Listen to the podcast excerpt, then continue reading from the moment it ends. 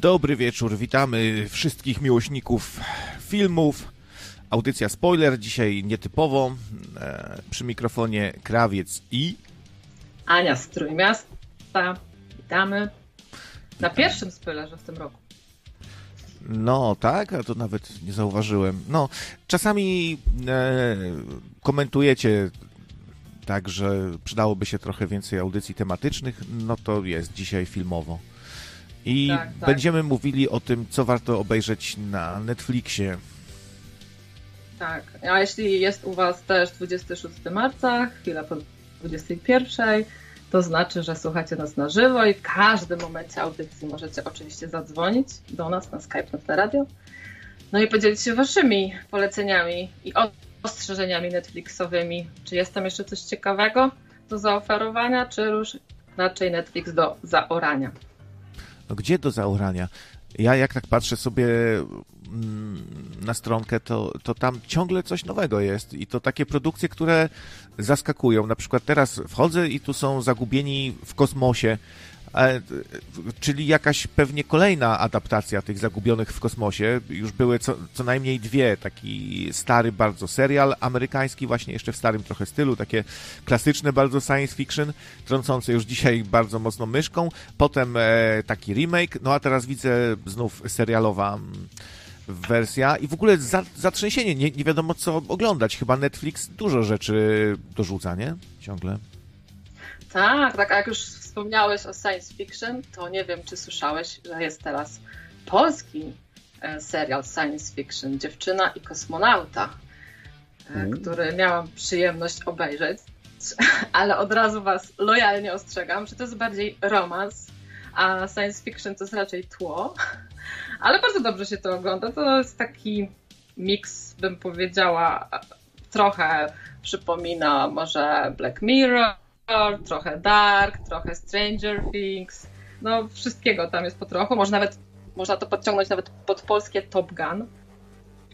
E, no i e, historia jest taka, e, no w sumie też Wam to coś powinno przypominać, że tam w 2022 roku polski właśnie pilot zostaje przez Rosjan, przez rosyjską firmę Skycom wystrzelony e, na orbitę.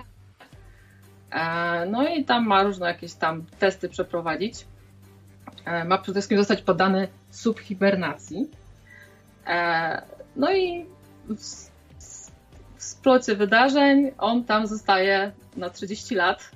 No i po 30 latach wraca na Ziemię. Taka historia. Co ci to przypomina, krawiec? Co mi to przypomina? Mm, Coś się kołacze po głowie.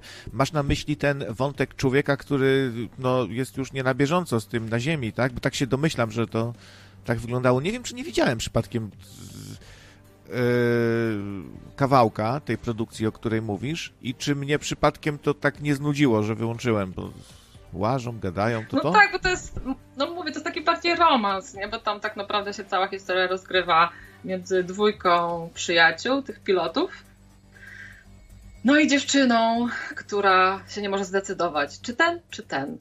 E, No i wam powiem, że cnoty wieście, cnoty niewieście są tam bardzo nadszarpnięte, nie? E, Co masz na myśli? Ja jako, że... Co masz na myśli mówiąc na, o, o nadszarpywaniu cnót?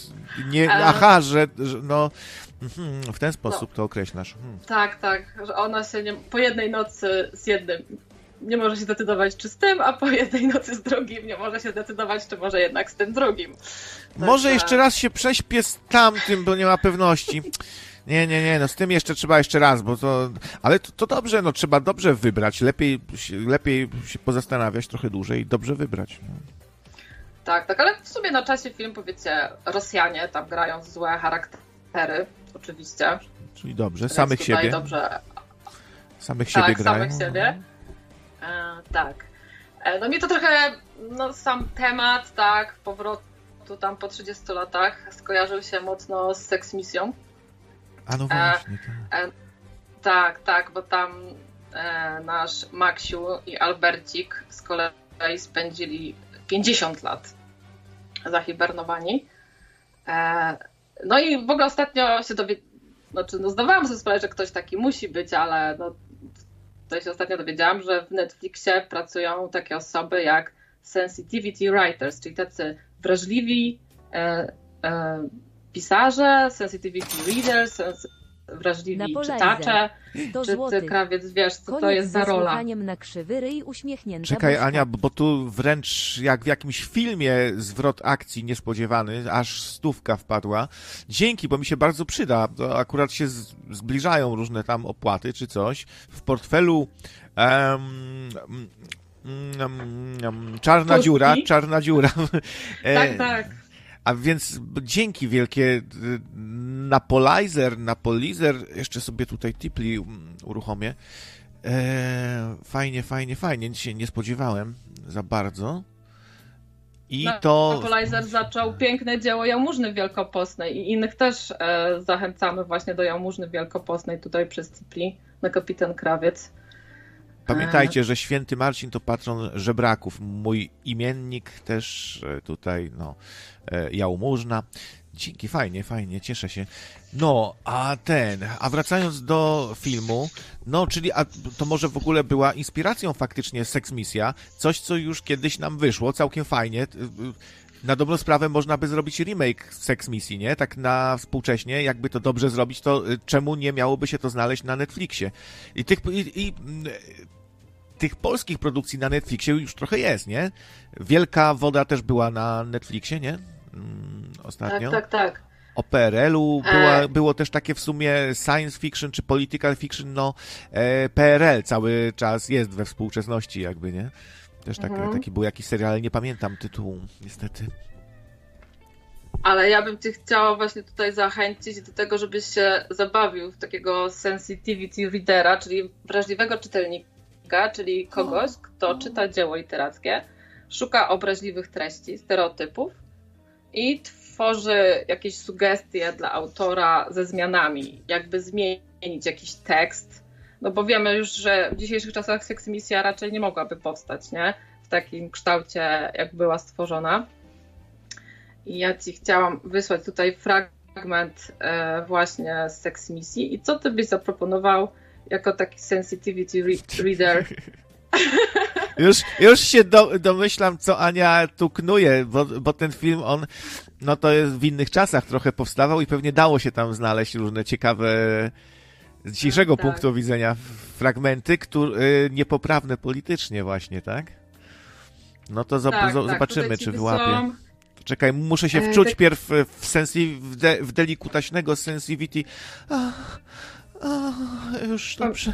Popatrzmy, czy nikt nikogo tu nie uraził. Um, oddział staruszek. Pamiętaj, tak? Tak, tak, tak. To jest ta scena na oddziale staruszek. Czytaj, no. Oddział staruszek. Um, babcia i Lamia. Aha, czyli to y, Lamia z babcią gadała o starych czasach. Babcia. Tak, tak. Co wy z nowej generacji macie z, z tej swojej kobiecości? Nie warto być kobietą, kiedy nie ma mężczyzn do czego oni byli potrzebni, babciu, tak? Do rozrywki, e, e, to jest w pewnym sensie. No, seksizm, ja już tu widzę seksizm. E, Waran z Komodo. Przepraszam, 26 bardzo. zł 66 Jeszcze groszy. Waran się dorzucił. Abonament radiowo-telewizyjny no, za marzec.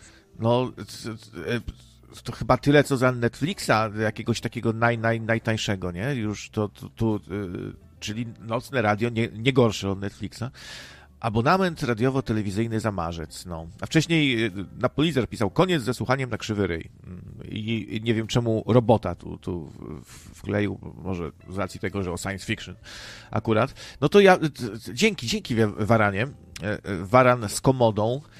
E, no, no to ja już tu widzę seksizm, no bo to robienie z facetów. Co ja, co ja jestem tylko obiektem seksualnym? Ja, mężczyzna? Obiekt seksualny tylko. Ale widzisz, ty się nie potrafisz wybić z roli mężczyzny, bo dla mnie na przykład to, co babcia mówi, nie warto być kobietą, kiedy nie ma mężczyzn, no halo. To też trzeba by zmienić jakoś. No właśnie, bo prze, przecież każda e, niezależna, silna kobieta spokojnie sobie poradzi bez mężczyzn i może nawet lepiej by było bez nich, nie? No. Do rozrywki to jest telewizja, zauważa tu Lamia. W nich jest coś takiego, co zupełnie nie pozwala się skupić. To nawet fascynujące. Oni mi się dzisiaj śnili. Oj, dziecinko, czy ty aby nie jesteś zakochana w jednym z nich? Co wy chcecie z nimi zrobić? Chcemy wystąpić o naturalizację. Jak to? Chcecie z nich zrobić kobiety? Przecież dla nich gorsze niż śmierć, a taka jest okazja, żeby wszystko wróciło do normy. Gdybym ja była młodsza, to zrobiłabym wszystko, żeby ich ratować. Jesteś inna niż tamte. Jak ci na imię? No, no strasznie seksistowskie jakieś i, i, i takie instrumentalne traktowanie mężczyzny. Ale, ale to, to, to, to, czy, ja, czy ja wiem, czy to jest tak jakieś. Yy, to by przeszło dzisiaj chyba spokojnie też, myślę. Ktoś by się tam zbuntował, ale jakieś zwariowane fem, feminichy może by podniosły lekkie no na larum, pewno. ale, ale Zrobienie tak, z mężczyzny kobiety to kobietę, z mężczyzny kobiety to gorsze niż śmierć. No to też nie brzmi dobrze. No ale właśnie dla odmiany, słuchajcie, w dziewczynie i w kosmonaucie to tam e, kobiety, kobieta traktuje instrumentalnie mężczyzn. Także e, tutaj feministki mogą być usatysfakcjonowane. E, a tak w ogóle, no to mówię, to jest taki zgrabny romans. E, też jest, e, no bo wiecie, mija 30 lat i ten drugi mężczyzna wraca na Ziemię wciąż młody, bo ta subhibernacja się udała. A ta dziewczyna, która walczy, tam wybierała między tymi dwoma kumplami, jest z tym drugim, tylko że on już jest stary. Jest jej tam mężem od 30 lat. E, no ale ona ostatecznie tam wybrała tego, który został, zanim on tam zaginął w tym kosmosie. Ona wtedy była na tym etapie, że to tamten jest ten jedyny. E, no i tak, i teraz ma dylemat, jak on tutaj powrócił, co z tym zrobić. No i wiecie, ten, co powrócił, jest fajny i młody. E, no, tutaj tą, mm, powiedzmy, panią po 50 gra Magdalena Cielecka, a tego jej męża Andrzej Chyra. E, także to jest to małżeństwo. E, no i to może też taki film właśnie o kryzysie wieku średniego, takiej nostalgii za młodością. To może dlatego mi się tak spodobał i obejrzałam do końca. Ale trzeba przyznać, że nie, naprawdę zgrabnie to wyszło i, i to, to tło science fiction też, też jest fajnie pokazane. Dużo takich e, ciekawostek, jak to może wyglądać w przyszłości, jest pokazane. E, na przykład, jak wyglądają interaktywne groby. E, bardzo ciekawa wizja, jak to można by zorganizować. Interaktywne groby. m- E, multimedialne może bardziej pasuje słowo, nie? Bo tak się domyślam, że to jakieś z, z ekranikiem, tak? Coś można tam ustawić w, E, w trumnie, tak? Znaczy, to było tak pokazane, że jest e, e, to kolumbarium. Nie, nie, nie, że grób taki jak my go tam widzimy, tam, że tam trudno, to jest kolumbarium. Jest tabliczka po prostu, e, taka upamiętniająca tego zmarłego kosmonauta, no bo oni uznali, że on tam po prostu umarł. E, no i po prostu tam jakby klikasz i taki, mm, jak to się mówi, e, mm, kurczę, taki wirtualna ta osoba się pojawia Hologram i opowiada coś tak? tam sobie. O właśnie, hologram, dokładnie tego sobie brakowało. E, Hologram się pojawia i mówi tam kim był, tak, co robił i tak dalej. Hmm. Także taką krótką, krótko o sobie opowiada. Fajne, a jak byś E. oceniła efekty specjalne? Dobre? Bardzo dobre, ale tam w sumie aż tak za dużo ich nie było, nie? Ale, ale nic tam nie. No dobre, dobre, moim zdaniem. to tak, no, ale mówię, dużo tego nie było. Ale wiesz, kurczę, może nie powinniśmy się właśnie y, śmiać, że tam jest wątek e, miłosny i tak dalej. No bo to można to uznać za takie właśnie ambitne science fiction, w którym się nie, e, w którym twórcy nie epatują e, laserami fotonowymi i no, nowymi rodzajami napędów i kosmita kosmitę, kosmitą pogania.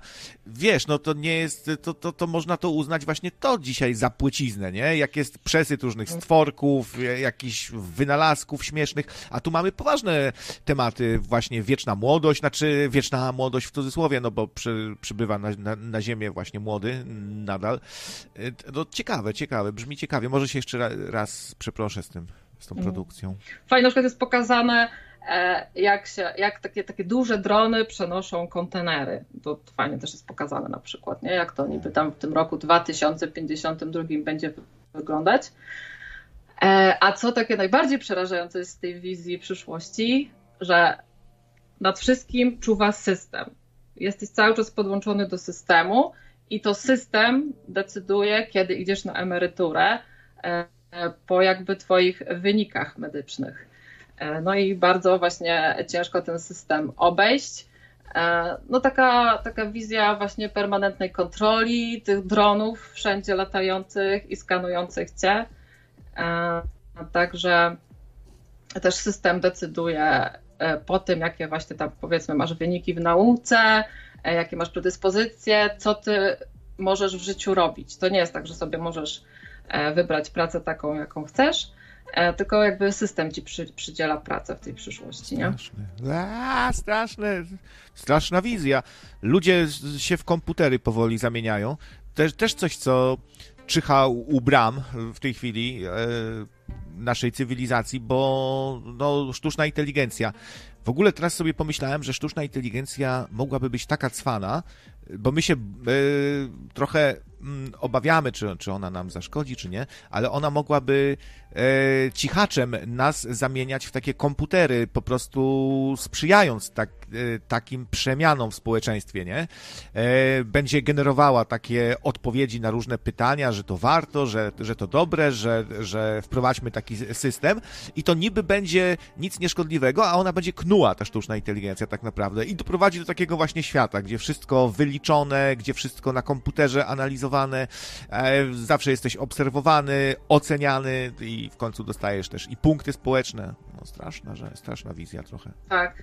Tutaj Night Market e, widziała, widziała film i mówi, że e, wątek miłosny był strasznie z dupy, ale cielecka w wersji Young była wkurzająca, ale sama wizja przyszłości była bardzo ciekawa. I taka, taka wiarygodna, nie? Taka, no, bardzo wiarygodna. I zwłaszcza ten system, który e, ma dane z całego Twojego życia E, i tak tą twoją ścieżkę buduje. Można by sobie przypomnieć właśnie film System z Sandrą Bullock, gdzie mm, bohaterka zostaje przez złych ludzi jakby tak e, wyłączona z systemu i osaczona przez ten system. Wszędzie kamery, elektronika, wszelkie dokumenty, prawo jazdy, wszystko to w komputerze, nie? I to było przedstawione jako, taka, jako takie ostrzeżenie, które stało się troszkę naszym światem realnym, rzeczywistym w końcu. Jakbyśmy sobie zobaczyli ten e, system, na pewno byśmy go inaczej odbierali niż ludzie wtedy. Chyba lata 90. jeszcze. O, tutaj Eve Place pisze, że pewien Portugalczyk założył startup, sklep internetowy z koszulkami, powierzył AI kierowanie interesem. Na razie się sprawdza. Może my moglibyśmy taki sklepik z koszulkami założyć i powierzyć właśnie sztucznej inteligencji tworzenie tych logosów. Hmm, całkiem sprytne. A to będzie sztuczna inteligencja krawiec i, po, i powie, że jej się nie chce na przykład albo coś. Hmm. Ciekawe, czy, czy można no. nauczyć sztuczną inteligencję, żeby była leniwa, albo żeby. No, to, że się myli ca cały czas, to, to, to, to, wiemy. Jak czegoś nie wie, to nas myśla, jak małe dziecko. To już do, do tego doszliśmy przy naszych eksperymentach ostatnio. Jakoś tam takie wnioski były też. Hmm. Ale ciekawa sprawa jeszcze, na co zwróciłam uwagę w tym e, serialu Dziewczyna i kosmonauta, to to, że e, w tej wizji roku 2022 e, tam wszyscy jeździli takimi no bardzo ładnie wyglądającymi, takimi odnowionymi i takimi wypicowanymi, ale takimi samochodami z lat tam 90., takimi kwadratowymi, wiecie, Mercedesami, kwadratowymi jakimiś Volvo i, i to mnie tak właśnie bardzo uderzyło, że, że nie było tych takich okrąglaczków, jakie my mamy teraz głównie, tylko wszystko to były takie samochody, które dzisiaj byśmy uznali, tak, e, za już jakieś antyki, no bo taki e, samochód 30-letni, no to już podpada pod taki e, stary samochód, wiadomo. No i nie wiem, tak sobie pomyślałam, że może w, w tej wersji tutaj jakby chodziło scenarzystom o to, że już tam w tym świecie jakby zakazano produkcji benzyniaków 20 lat wcześniej, nie? I dlatego wszyscy, co, którzy chcą jeździć benzyniakami, e, to jeżdżą tymi e, starymi samochodami. Ale bardzo ciekawy był to zabieg. Tak, no i, doda- i trochę odrealnia rzeczywistość filmową, nie? Że, że ona nabiera jakiegoś tam nietypowego kształtu dzięki temu. No, tak, tak. wyobrażam sobie, um, wyobrażam sobie takiego poloneza latającego. Funky Kowalu były fajne latające samochody. Bogusław Polch świetnie je narysował i motory też były la, e, latające samochody. Mm, no, taki trapez latający. No, ale ja głównie tutaj bym chciała wam jakieś dokumenty polecić w sumie z tego Netflixa. E, I może na początek e, Killer Sally. Coś dla fanów też Arnolda Schwarzeneggera, bo to jest historia historia małżeńska e, Sally i Reya McNeilów, którzy właśnie interesowali się mega kulturystyką e, i to była ich pasja.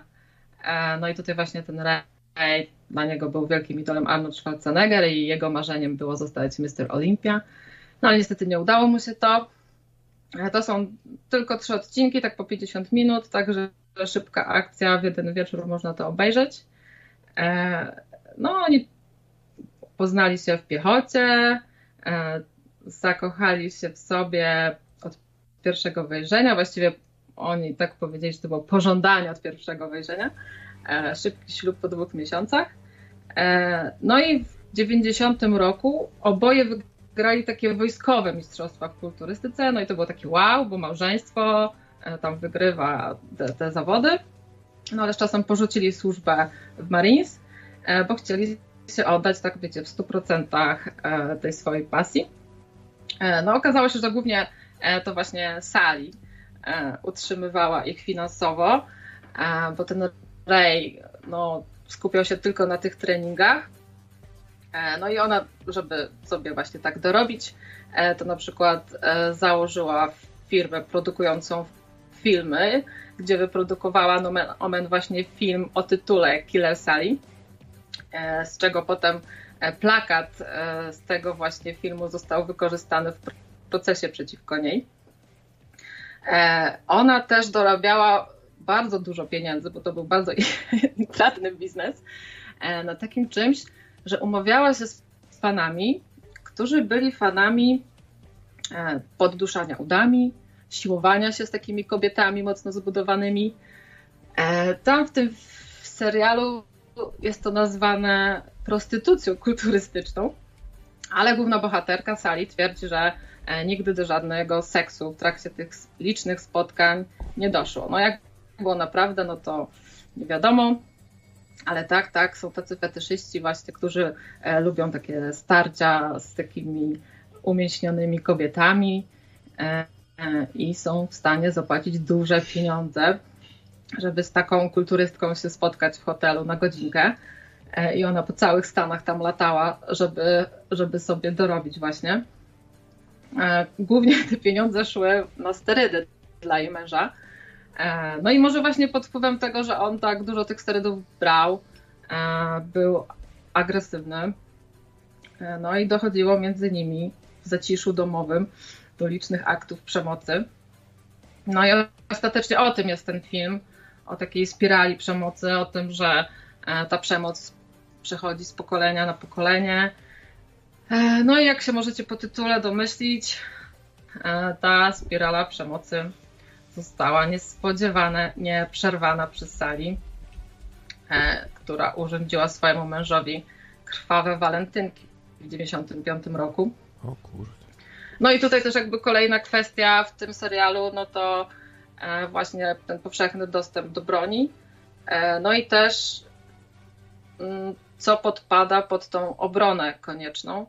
Ona tutaj, jako ta ofiara przemocy seksualnej, e, nie wzbudzała zaufania opinii publicznej, no bo wiecie, kobieta dobrze zbudowana, która nie płacze, nie użala się nad sobą, e, jak jest przesłuchiwana przez prokuratora, e, no to odpowiada w krótkich żołnierskich słowach, no ale ona była żołnierką, tak? Więc ona tak była po prostu nauczona e, tak się wypowiadać. No i też w tym serialu fajnie jest pokazana rola mediów, jako to wskazaniu jej w tym procesie odegrał właśnie to, jak była przedstawiana przez media. No, w pierwszym, w pierwszym, pierwszy odcinek to jest właśnie historia tego ich związku, kolejny odcinek to są jej przesłuchania i proces, jak to wyglądało, a trzeci odcinek to jest to, co się z tymi bohaterami wydarzyło, e, dzieje się teraz, e, czyli głównie co, co się z nią teraz dzieje i z jej dziećmi, tak, bo ona miała e, kiedy ona weszła w związek z tym Rejem, to miała już dwójkę swoich dzieci z poprzedniego związku, no ale oni oczywiście oboje te dzieci potem wychowywali, te dzieci od razu właściwie zaczęły go traktować jak ojca i, i, nigdy o nim inaczej nie mówili jak, e, jak tatą. Ale ten cały rej, z tego co pamiętam, to był czarnoskóry. To Mujina tak, może była. On... No. Właśnie. I, i, i, w ramach, I w ramach tej poprawności politycznej nawet widzicie, Ania o tym nie, nie wspomniała, bo to co, czy to, czy to ważne, że był czarnoskóry, a ona biała? No, ale też można wspomnieć, no bo to były inne czasy trochę. Ja myślę, że w ogóle wtedy się inaczej patrzyło i na y, przemoc domową, i na taki związek w ogóle bia, białej kobiety z czarnym, to mogło trochę inaczej być, nie? I no, strasznie ekscentrycy, nie? I jeszcze takie usługi seksualne, sterydy, kulturystyka. Pamiętam, kawałek obejrzałem, tam same dzieci nazywały tych swoich rodziców niezłymi dziwakami. E, tutaj dobrze, że poruszasz tą kwestię właśnie tej rasowości, e, no bo Sally to była taka blondyneczka, ale ona e, już w dzieciństwie bardziej się trzymała właśnie z tą powiedzmy czarnoskórą częścią tam czy swojej klasy, tak, to byli znajomi głównie. No i też miała słabość do czarnoskórych mężczyzn, bo ona tą dwójkę dzieci też miała z czarnoskórym mężczyzną, więc jak oni byli razem jako czwórka, to nie podpadało i dzieci w ogóle wyjątkowo śliczne, bo takie mieszań, mieszanki właśnie rasowe e, to są no, wyjątkowo dobrze wychodzą. Jak się te geny dobrze zmieszają, to e, te dzieci wyglądały tak, że e, niby miały ciemną skórę, ciemno, e, niebieskie, o, niebieskie oczy i, i włosy takie mm, skręcone, jak to u czarnoskórych często bywa, ale w odcieniu blond. A ciekawe. One niesamowicie wyglądały, no. No ale mówię, jak oni byli razem, no to faktycznie wyglądało, że to są jego dzieci, tak, bo e, tak, tak to właśnie wygląda. W ogóle jak oni gdziekolwiek szli, to wzbudzali e, zawsze zainteresowanie wszystkich ludzi, no bo i Sally i Ray byli mega umięśnieni. Jeszcze te dzieci takie zmiksowane, także oni tak, gdzie się nie pojawili, e, to tam ludzie się za nimi oglądali. No i tak wiadomo, no też jest taka kwestia tutaj, że z wierzchu wszystko wyglądało pięknie, ładnie, a, a w domu się działy e, e, nieciekawe rzeczy. E, no, ale tutaj już i tak za dużo może nie chcę więcej spoilerować, także no zachęcam, zachęcam do obejrzenia tego. Nie wiem jak wy, ja się czuję zachęcony i może się znów przeproszę. Nawet dobre są takie y, y, dokumenty, bo to jest zawsze prawdziwa historia jakaś i się ciekawie ogląda, wiedząc, że to się naprawdę wszystko wydarzyło. E, no, gdyby była jakaś muskularna y, pani, która by mnie chciała popodduszać, to proszę to się kontaktować na kontakt małpanos na radio. PL, a tu też Eevee Place. Ja czekam na propozycję czegoś z Sigalem.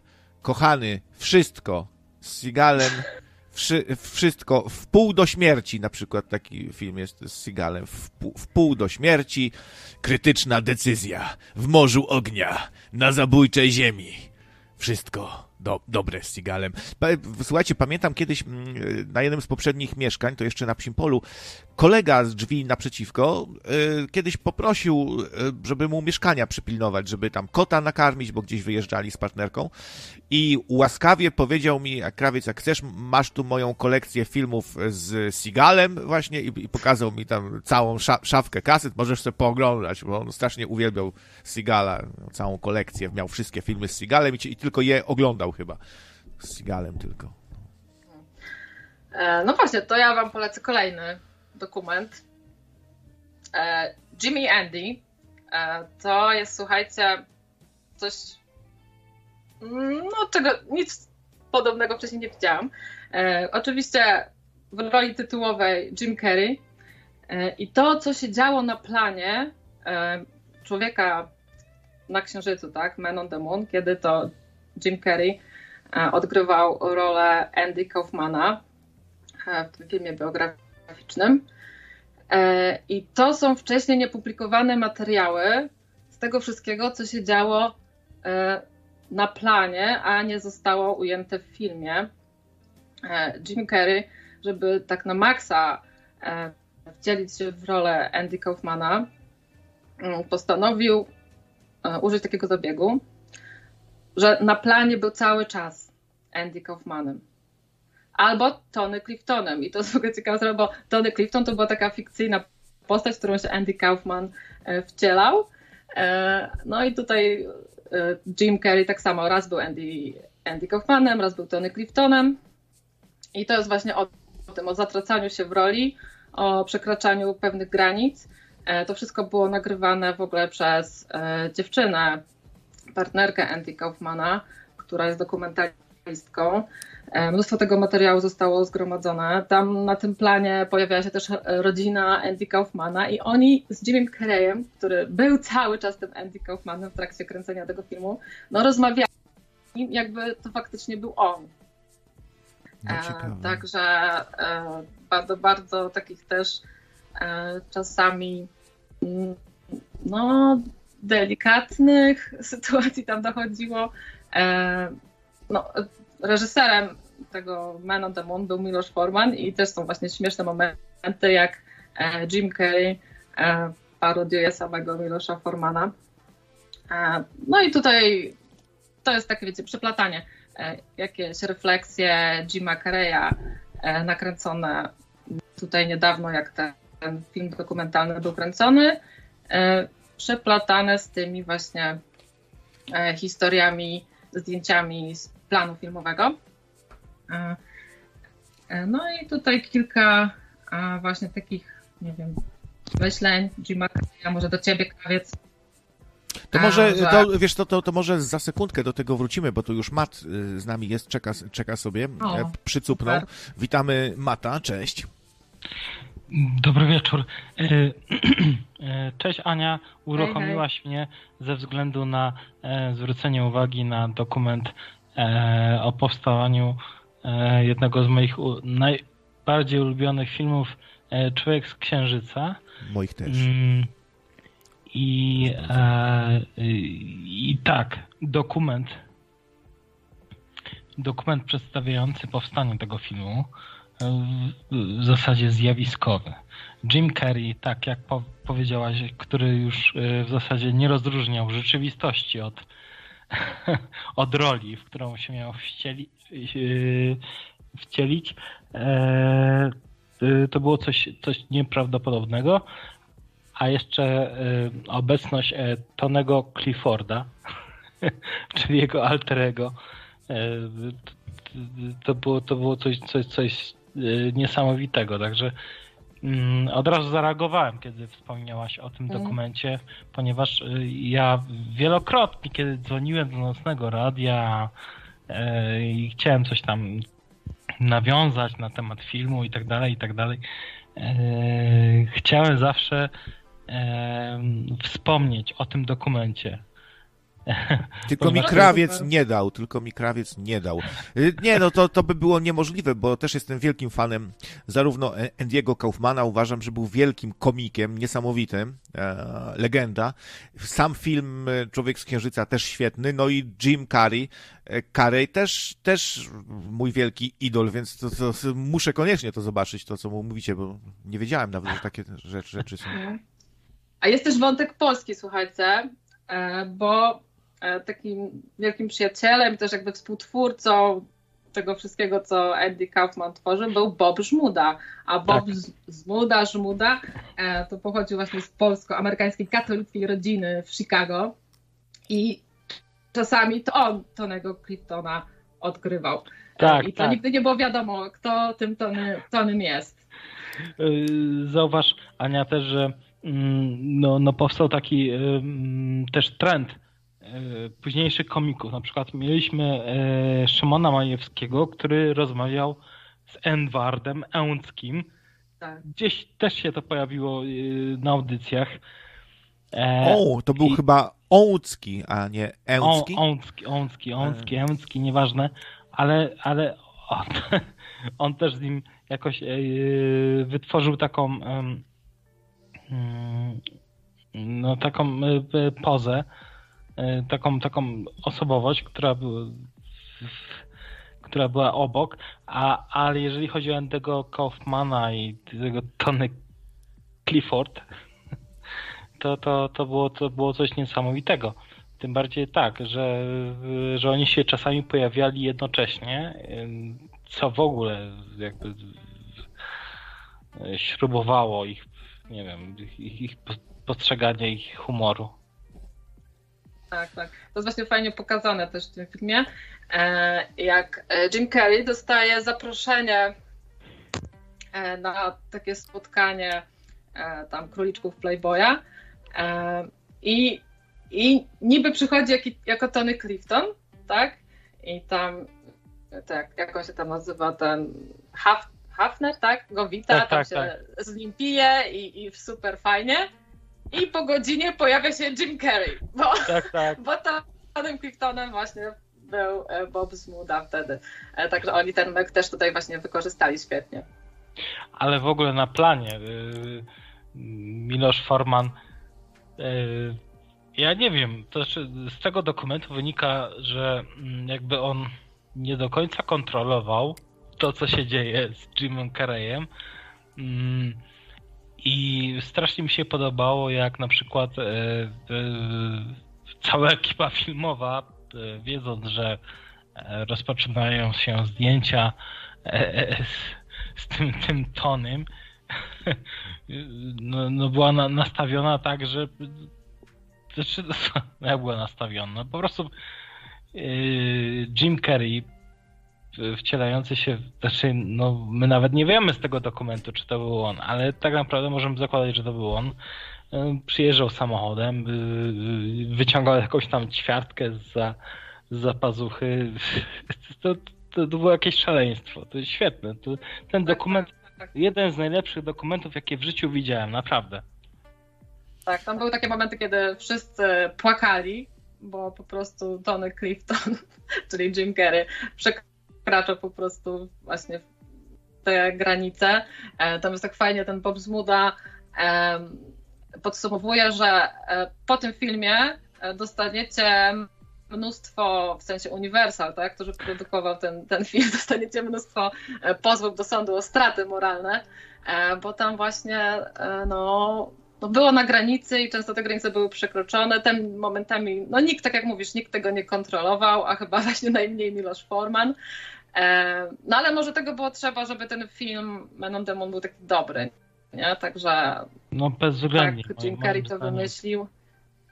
Moim zdaniem e, odgrać odgrać taką postać i jakby głębię odgrać. tego e, nowej, nowej sfery komizmu, jaką wymyślił Andy Kaufman, mm, no to potrzeba było naprawdę mm, kogoś w pewien sposób odpowiedzialnego. A, Jim Carrey moim zdaniem już, już, wypra- już wiesz, on był takim e, wracając do tego, o czym opowiadaliśmy, był takim kulturystą e, humoru i komizmu, który potrafił udźwignąć mm, ten temat, bo on nie był taki, wiesz, głupi, jeżeli chodzi o Endego Kaufmana, bo tam była strasznie duża, du, du, duża głębia i ja e, niezmiernie niezmiernie jestem mm, fanem tego, że Miloš Forman e, wytworzył takie dzieło, pozwalając na to, żeby obok jego filmu toczył się, toczyła się, e, toczył się taki, tak, taki Taki równoległy film tak naprawdę. Taki nie? równoległy, no nie wiem, no nie wiem jak to nazwać, no coś, coś w rodzaju zjawiska, które wpływało obok, jakby bezpośrednio na, na, na, na dzieło. Nie wiem jak to nazwać, ale, ale jeżeli ktoś chce zobaczyć jak powstają piękne, yy, piękne filmy, jak, jak powstają jak można się bardzo zaangażować w film, to, to, to, jest, to jest podstawa. Ten, ten, Znaczy, wiesz, Jim Carrey mówi wprost, że po prostu on ma takie wrażenie, że ten Andy Kaufman po prostu stąpił na niego. tak. Tak? Także taka No uduchowiona metafizyka, wersja. metafizyka. Tak, tak. I że, e, no tak jak ten um, kierowca mówił, że on odbierał Jima Carreya jako Andy Kaufmana i go odwoził wieczorem też jako Andy Kaufmana. Także przez całe kręcenie tego filmu e, Jim Carrey zniknął z planety Ziemia i był tu tylko Andy Kaufman albo Tony Clifton. Andy, Andy. Kaufman i Jim Carrey mają ze sobą coś wspólnego, bo e, Kaufman też był komikiem impresjonistą, to znaczy e, naśladował właśnie głosy i postacie różne, no naśladował Elvisa na, na przykład. Jim No e, właśnie, robił właśnie, Klep, podobne poczekaj, bo numery. właśnie Jim Carrey mówi, że gdy zaczynasz mówić, poznajesz siebie, zwłaszcza kiedy kogoś grasz. Kiedy improwizujesz, twoje wybory dużo o tobie mówią. Może byśmy na przykład się zastanowili na twoim przykładzie, co twoje wybory mówią o tobie, tych, których improwizujesz przeważnie na antenie. Dla mnie krawiec to jest Krzysztof Krawczyk. Ale on nie mówi Krzysztofem Krawczykiem. Krawiec mówi Wałęsą, mówi Kononem najczęściej, e, Korwinem Mikke. Co to nam mówi o krawcu? Gdy nam śpiewał Elvis Presley, świat miał trochę więcej barw. Pod Nie, palmami Blue Hawaii, gdy nam Elvis śpiewał tak, bum bum bum bum. Jim Carrey to od, opisuje tak, że e, kiedy chwyta za mikrofon, to się w nim ujawnia pozytywny Mr. Hyde. Czyli mimo tych takich e, też takich nagiętych sytuacji, e, to jednak faktycznie to wszystko miało jednak pozytywny wymiar. No i najlepszym dowodem jest właśnie ten film, który powstał, tak? Że było warto i, i, i ten eksperyment taki no, odniósł sukces. No to bezwzględnie. No, film, film jest zjawiskowy, moim zdaniem nawet nie- niedoceniony. E, e, no bo tak, e, Jima Carreya się kojarzy przez Maskę, Truman Show, ale to największy wysiłek, moim zdaniem, jakim Jim Carrey oddał w swojej karierze, to był jednak Człowiek z Księżyca.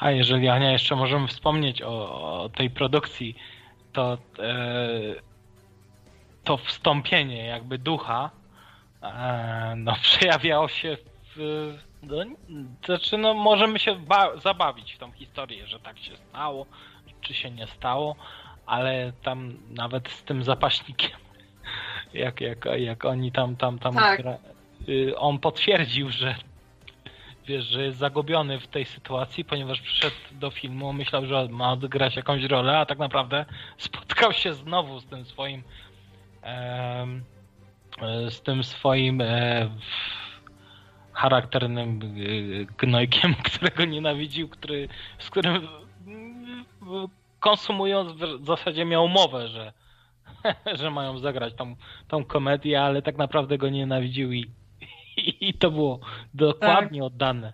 To było świetnie pokazane, jak on był zagubiony, nie wiedział co się dzieje i kiedy już właśnie odtwarzano tą scenę na tej wrestlingowej macie, e, ten wrestler nie wytrzymał i tak pobił Jima Carreya, e, że on po prostu trafił do szpitala. Naprawdę I, go pobił? I, e, tak, tak, nie no, wytrzymał. No, tak, no, pobił, bo to, to tak był przywalił, że po prostu Jim Carrey trafił do szpitala. E, tam, tam, no, to była taka gruba akcja, bo tam, wiecie, e, ubezpieczyciel tak, jeszcze paparazzi tam trzymali rękę na pulsie, jak, jak, bo, ten, bo ten film się przedłużał, nie wiadomo było o co chodzi. Miloš Forman był nie do końca w nastroju, nie wiedział co się dzieje na jego planie, ponieważ Jim Carrey e, był jakby, jakby przejął, przejął kontrolę nad, nad całą historią. Ja od siebie dodam tylko, że, e, że poczucie humoru Andy'ego Kaufmana chyba się Panu Bogu nie podobało, no bo Andy Kaufman zmarł na nowotwora. A, no tak, ale tylko... Może Pan Bóg woli inny humor, bardziej taki Tadeusz Drozda, no, no, jakieś takie, może woli prostsze rzeczy. Nie, to tylko naj, najlepsi, wiesz, umieraj młodo, wiesz, prostu właśnie Panu Bogu się podobał ten humor, dlatego chciał go mieć szybciej u siebie. A, żeby Panu Boga no, w ten sposób. No. no, jakbyście chcieli zobaczyć coś dobrego z Kaufmanem, no to serial Taxi. E, to jest klasyka on tam gra latkę, takiego zwariowanego mechanika, który się absurdalnie zachowuje, jest najbardziej absurdalną postacią, yy, dziwnie mówi, ma dziwne zainteresowania. Yy, człowiek z księżyca właśnie. Gra, można powiedzieć, człowieka z księżyca, mechanika. Wszystko się dzieje na zajezdni mm, taksówkarskiej. Właściwie nie ma tam scen w taksówce na przykład. Oni tam rozmawiają ze sobą cały czas w tej zajezdni, a mimo to świetnie się to ogląda. Jest dużo fajnych i pomysłów, i patentów, różnych y, mm, scenariuszowych. No, to jest niesamowite, że można zrobić świetny serial w jednym pomieszczeniu, nie? To się pojawia zresztą w Człowieku z Księżycu, tam, tam ten jego mm, jego rola latki, a on, ale jeszcze on chyba, zauważyć... on chyba nie lubił, nie, tej roli, z tego co pamiętam. Znaczy, no, wiesz, dla kogoś takiego to był człowiek taki nierozpoznany. E, no, na pewno to było ograniczające dla niego taka, taka, taka rola, w którym musi udawać mm, emigranta ze wschodu, który e, mówi z akcentem. I takim dziwnym głosem jakoś mówił, nie? Cały czas takim dziwnym głosem no to, to, to, to może mu kazali właśnie, może to mu się też nie spodobało. E, no bo... No bo Na pewno e, dla niego tak. było ograniczające. No bo tak, no jest komik wysokiej klasy, a każą mu pajacować, nie? No to, to, to, to mógł się A trochę... jeszcze miał, o czym Ania wspomniała, miał e, backup. miał, miał kumpla, z którym tworzyli tą, tą, tą pewną, to pewne zjawisko humoru. No ciężko mi ciężko mi z dzisiejszej perspektywy, ponieważ dzisiaj Andy Kaufman yy, mam wrażenie, że nie, yy, nie odnalazłby się zupełnie byłby innym Kaufmanem, myślę, i, i w inny sposób by e, bulwersował, prowokował. No wtedy bulwersował tak, że zmierzył się z kobietą na ringu, albo że poezję czytał sobie, bo się wkurzył, że mu coś tam nakazują i publiczność tak wychodziła, wychodziła, w końcu jakiś tam jeden typ na, e, no, e, na widowni i, i, i chrapie jeszcze, nie? On czytał sobie poezję. Jakie tam jeszcze numery? No, naśladowanie Elvisa, i um, to zrobił Andy Kaufman, że jakąś babcię na wózku niby niechcący przewrócił, czy ona zawału dostała na scenie i była reanimacja, tak? I on się, i on, y, i wszyscy się zastanawiają, czy ta staruszka na scenie, która miała mu coś wręczyć, czy coś faktycznie nie żyje, a Andy Kaufman nagle wpada przebrany za szamana i ją tam reanimuje magią szamańską, nie? To chyba Andy był, tak? No jeszcze grał na bębnach. Tak, tak, tak, na bongosach jakiś. I udawał, e, mm, udawał ostatnie, ostatniego przedstawiciela cywilizacji e, z zanikłej wyspy.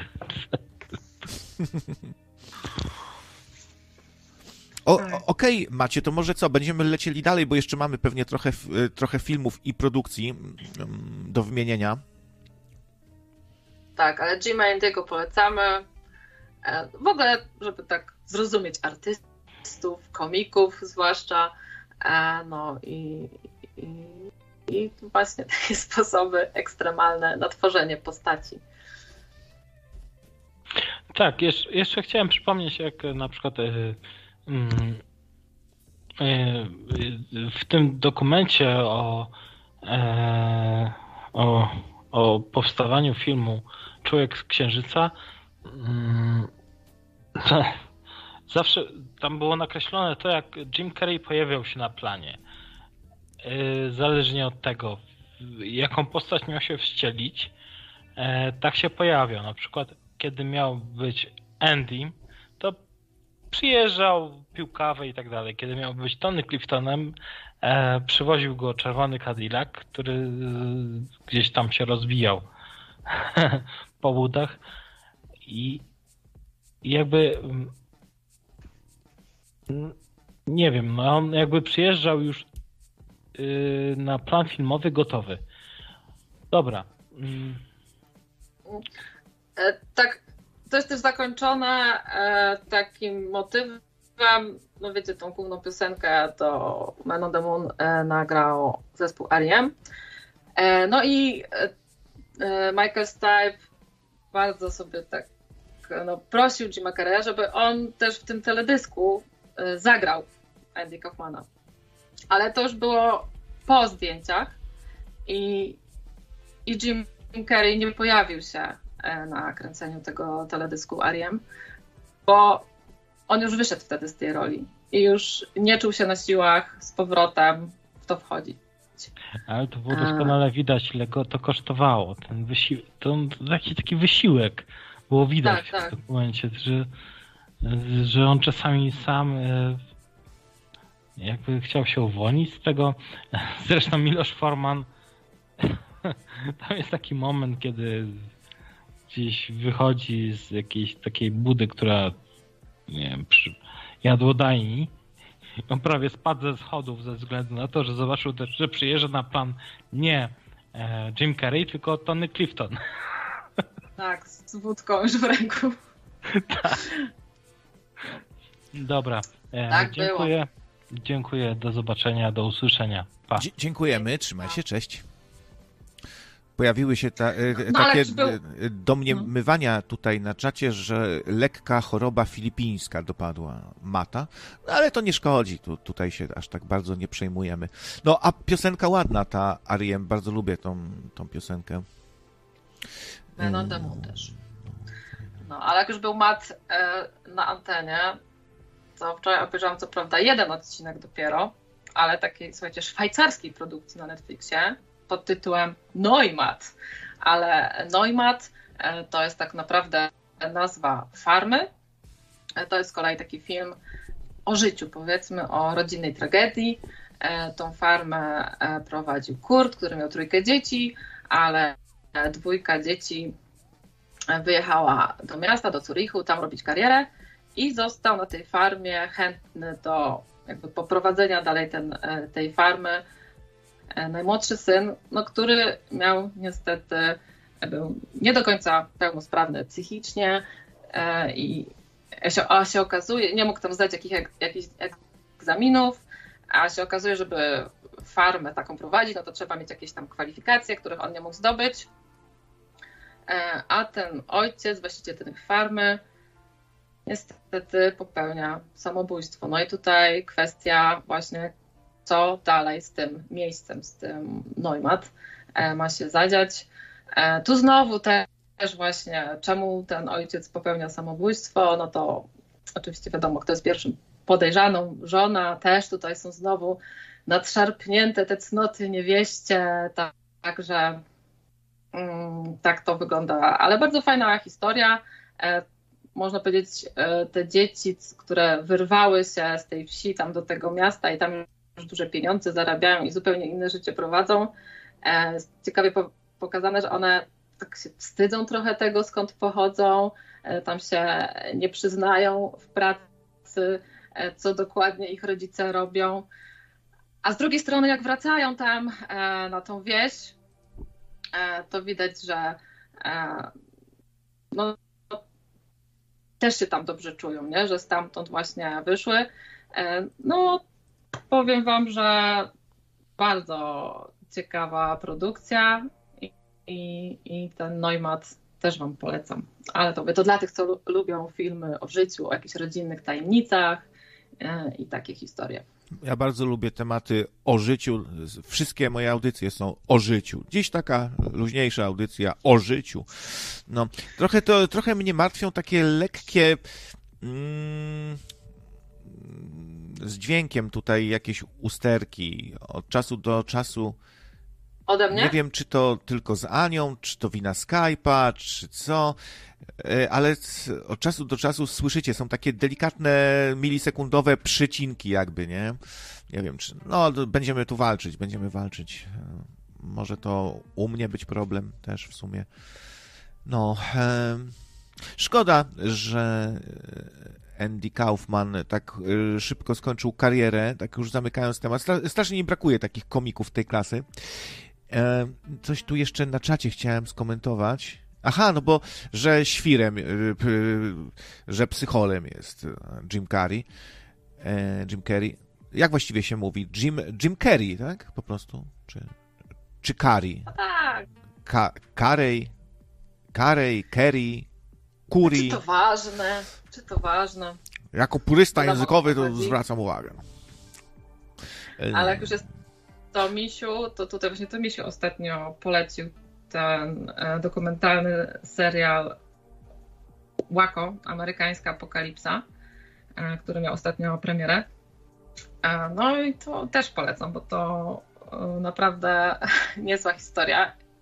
Ja pierwszy raz o tym słyszałam, bo to się wszystko wydarzyło w 1993 roku. E, to była największa strzelanina od czasów wojny domowej na terenie USA i, i strzelanina to była między e, federalnymi a sektą religijną e, i oblężenie tam tej właśnie takiej twierdzy powiedzmy, którą, w której ta sekta mieszkała trwało 51 dni. Taki impas powiedzmy negocjacji między federalnymi a, a tymi, e, tym przywódcą tej sekty, Davidem Koreszem. E, to była taka sekta, która się nazywała Gałąź Dawidowa, Dawidianie. Oczywiście Dawid Koresz się orzekł Mesjaszem, nowym Jezusem Chrystusem i jego misją było jakby na nowo zinterpretować Biblię i to swoje przesłanie do światu.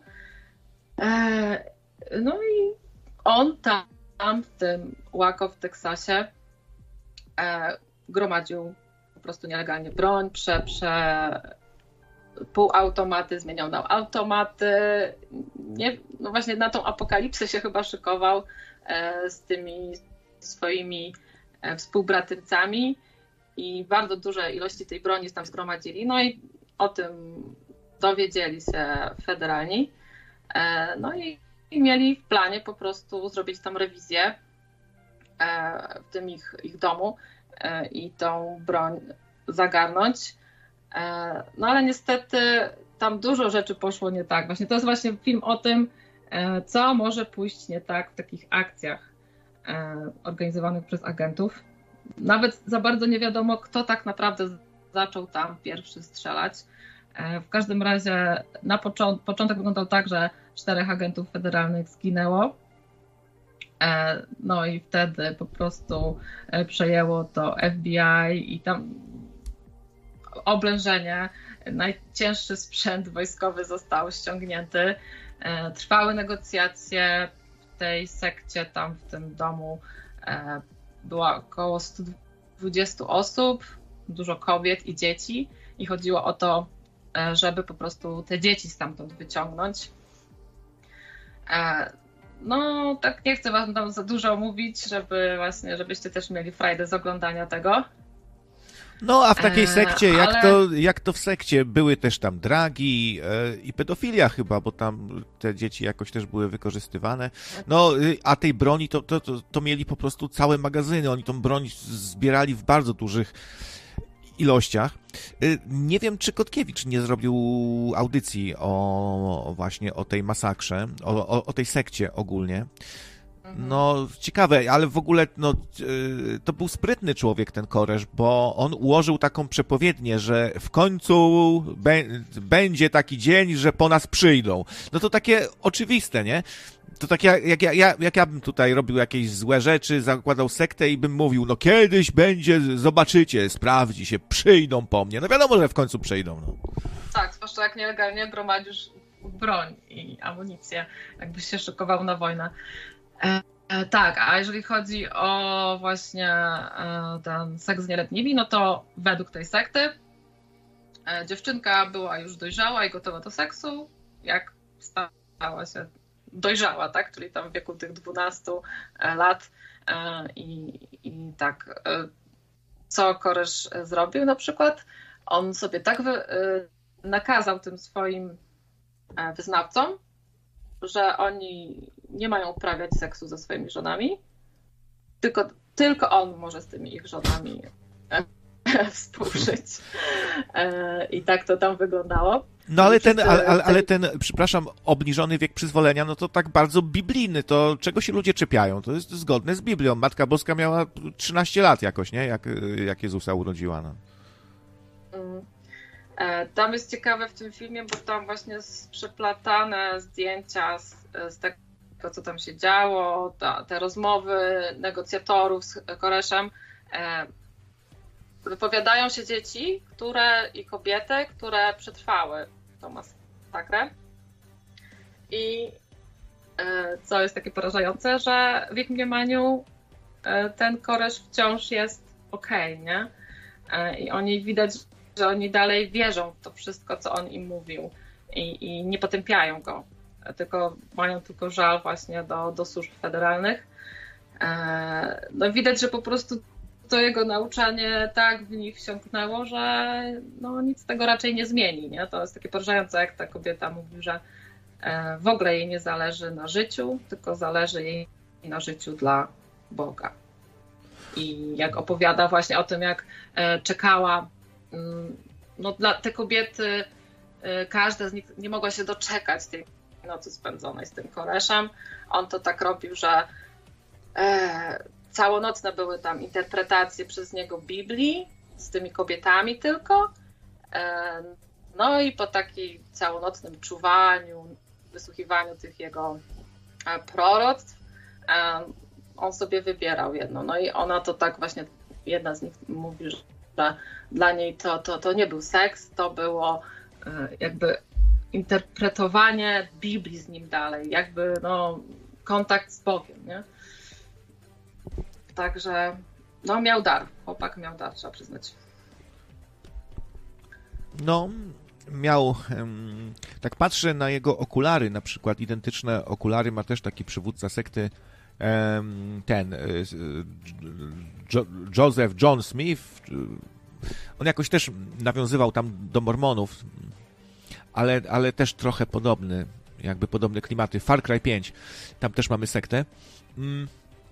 No, ale, ja dopuszczam też takie coś, Ania, że rząd po prostu demonizuje po pewnym czasie i chce i, i, i, i próbuje trochę, wiesz, nakłamać, żeby usprawiedliwić swoje działania i tak dalej. Mogli sobie wymyślić na przykład to, że przerabiają broń, albo że znaleziono narkotyki, czy coś. To też tak może być, bo my tak zawsze ufamy mediom, rządzącym, nie? Że nam prawdę powiedzą, a to przecież kłamią tak samo jak, jak wszyscy inni.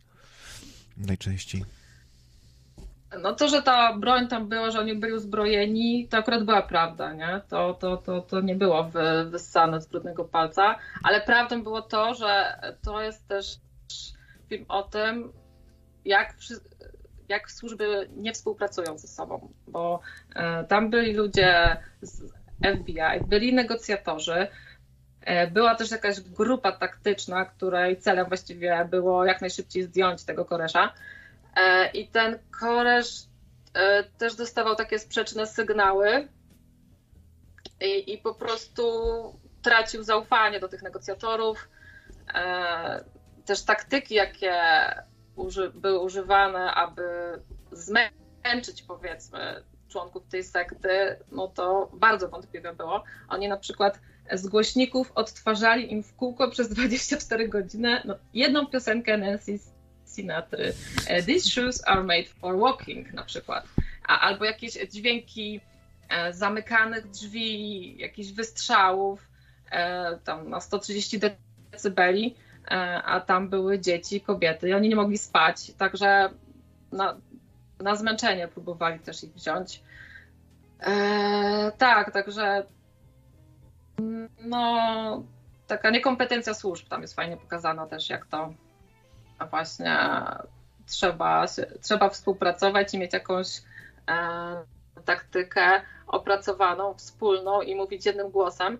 E, tam też oczywiście w grę wchodziły olbrzymie pieniądze, bo ten impas trwał 51 dni, a jeden dzień takiej tam akcji e, to kosztował ponad milion dolarów. E, też była presja oczywiście mediów. Tam dochodziło do tego, że było i tysiąc dziennikarzy z różnych stacji e, z całego świata tam nie, gdzie na tych konferencjach prasowych, więc presja była ogromna.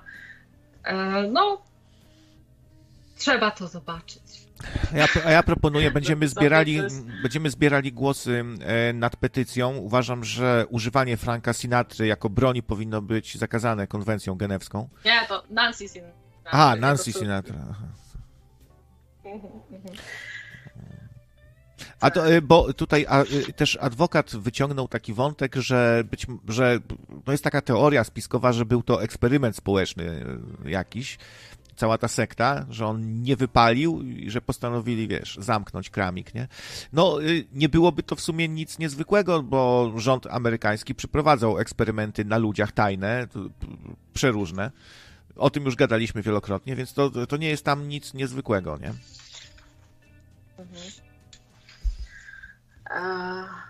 no, nie, nie wiem, czy to był jakiś eksperyment społeczny. Wiem, że ten, ta sekta już wcześniej istniała. To nie jest tak, że ten David Koresh ją założył. Wcześniej prowadziła tą sektę jakaś starsza pani, około 60-letnia, i on ją po prostu uwiódł. E, I, i, I tak jakby przejął kontrolę nad tą sektą. E, e, no, też wykorzystywał te dzieci do, do do grania tam właśnie z tymi federalnymi. No niestety tam wiele osób zginęło, ale jak to się skończyło dokładnie, to, to, to musicie obejrzeć po prostu już sami. No była faktycznie apokalipsa. Nastąpiła apokalipsa, tak jak Koresz przewidział. No tam się zdarza też, że się obywatele wkurzą i buldożerem rozjeżdżają całe miasteczko, nie? No, słynny killdozer. No, koleś po prostu tak go męczyli, za, zabierali mu zezwolenia jakieś na wybudowanie, na drogę, coś, chcieli się go pozbyć, był niewygodny, wkurzył się i rozwalił buldożerem całe miasteczko. Brakuje mi trochę takich radykalnych działań. My Polacy jesteśmy za spokojni, za bardzo dajemy sobie w kaszę dmuchać trochę, uważam ale to moje zdanie tylko. Tak a moje zdanie jest takie, że czemu te sekty są zawsze właśnie w większości przez mężczyzn prowadzone, kurczę, tak się zastanawiam, czy może jakieś właśnie sekty przez kobiety.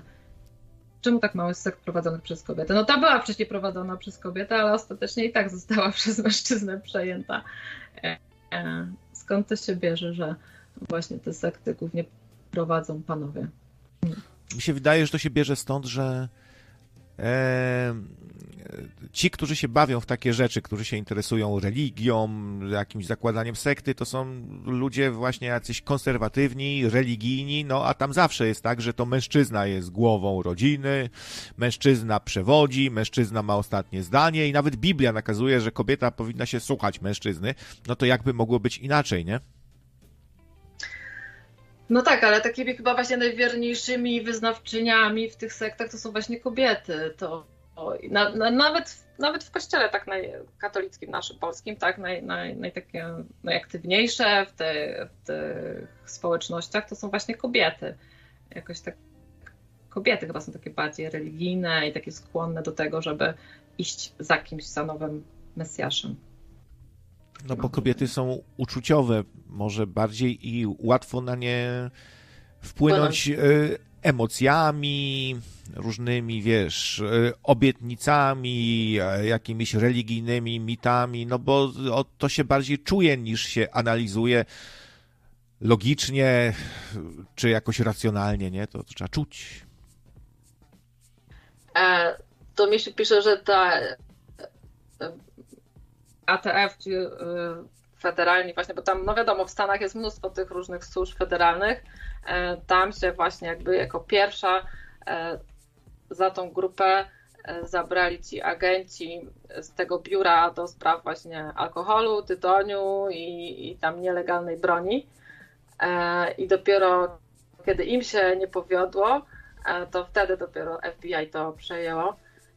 Jest jeszcze wątek, że ten gość, prawa ręka Koresza, zaprowadził kobiety i dzieci do piwnicy i, i tam ich e, zaregulował i podpalił. Dlatego nikt nie był w stanie uciec. Ale myślę, że w tej historii też się tak wszystkiego do końca nigdy nie dowiemy prawdy, jak to tam naprawdę właśnie było. A Tom Datew pisze, że nie wie nic o tym i nie ma najmniejszej ochoty się dowiedzieć. No to jest coś w tym jest, że po prostu to, taki scenariusz to tragiczny, apokaliptyczny, to no, tylko życie może napisać. No, mało kto by chyba był w stanie coś takiego wymyślić, tylko właśnie jakiś, no ten Koresz to dla mnie taki szatan wcielony, nie? Niby mówi, że jest Mesjaszem i Bogiem, a tak naprawdę e, działa jakby szatan nim kierował. Właśnie. A furiat mnie straszy za kalcem. Za kalcem cię straszy? Że, że przestaniesz piec, piec pyszne ciasta? Taka klątwa, tak? Będziesz za kalce same będą wychodziły. No dobra, słuchajcie. E, ja bym chciała Wam jeszcze polecić e, taki francuski film z kolei. E, Kobiety na wojnie. I to się dzieje w trakcie I wojny światowej. Na samym początku właściwie, od samego początku się zaczyna, kiedy jest tam już wrzesień 14 roku, no i oni tam mówią, no wojna nie potrwa długo, nie? Dwa miesiące i będzie po wszystkim. Skąd my to znamy? No i to jest właśnie wojna oczami kobiet, ich losami pokazana. E, są trzy kobiety.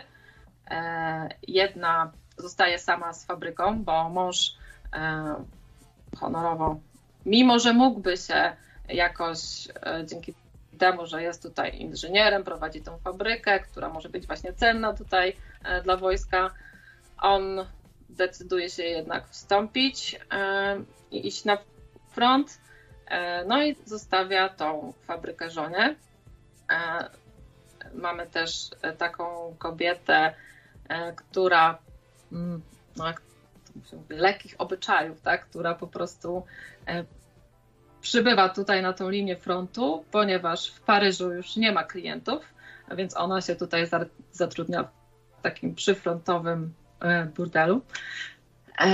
No i trzecia dziewczyna to jest taka, która się ukrywa, ponieważ jest oskarżona o morderstwo, a to morderstwo polegało na tym, że ona jakby no, dokonała aborcji e, na żonie policjanta, e, no i ta żona tego policjanta po tym zabiegu zmarła. No i ten policjant ją tam ściga i chce się koniecznie na niej zemścić, e, a ona po prostu musi się przed nim ukrywać.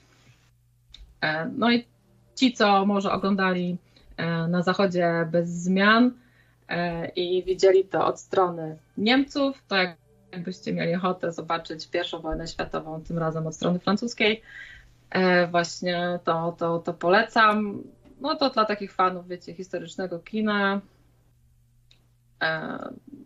jak ktoś nie obawia się tutaj tego, jak to nazwać, no dramat, dramat wojenny, tak, no, przerażający jest ten film, od razu mówię, po prostu e, mm, zawsze sobie po takich filmach się zastanawiam, jak ci ludzie potem w ogóle byli w stanie żyć po tym wszystkim, co przeszli e, i jakoś tam na nowo ten świat budować. Ale, ale mimo to polecam, polecam. Zwłaszcza widzę, e, w dobie tego, co się dzieje za naszą wschodnią granicą. A tytuł Kobiety na wojnie, tak? Tak, tak. I to jest francuska produkcja, po francusku Les Combatantes, czyli rozumiem jakieś kombatantki. E, e, także tym razem wojna losami kobiet opowiedziana bardziej. No, ale dużo drastycznych scen, bo tam się dużo dzieje e, w takim szpi szpitalu, który jest urządzony e, w zakonie, w pomieszczeniach zakonnych. E, no i co róż tam z tego frontu rzuca tymi nowymi rannymi, tam dużo takich, wiadomo, trudnych decyzji ten jeden samotny lekarz musi podejmować. E, a ten lekarz, który tam e, ratuje tych żołnierzy, którzy tutaj są przywożeni dziesiątkami z frontu, jest synem generała. I tam jest właśnie tak fajnie pokazane mm, kwestia nepotyzmu. Czy, czy można tą swoją pozycję wykorzystać do tego, żeby chronić swoich najbliższych? E, bo ten generał ma dwóch synów. Tego jednego, który właśnie pracuje w, e, w tym szpitalu polowym, a drugi syn jest na froncie. I ten, mm, ten jego syn, lekarz, zapytuje go, czemu on pozwala na to, e, żeby ten brat był na froncie, czy nie może go po prostu gdzieś do jakiejś nie wiem, komunikacji zatrudnić, tak, żeby był bezpieczny, e, że tam po prostu na froncie, wiadomo, będzie swoje życie narażał. No i taki dylemat właśnie, czy, czy wykorzystywać tą swoją pozycję w takich sytuacjach i za wszelką cenę e, tych swoich bliskich chronić, czy jednak honorowo własne dzieci, będąc generałem, posyłać na front. No oprócz, oprócz, oprócz takich yy, bardziej no, dramatycznych historii, e, poważnych, to na Netflixie też jest dużo świetnych rozrywkowych rzeczy. To, to, to mi się podoba, że Netflix się nie, nie ogranicza do, do ty, tylko do kina amerykańskiego, tylko są różne europejskie produkcje prze, przeróżne.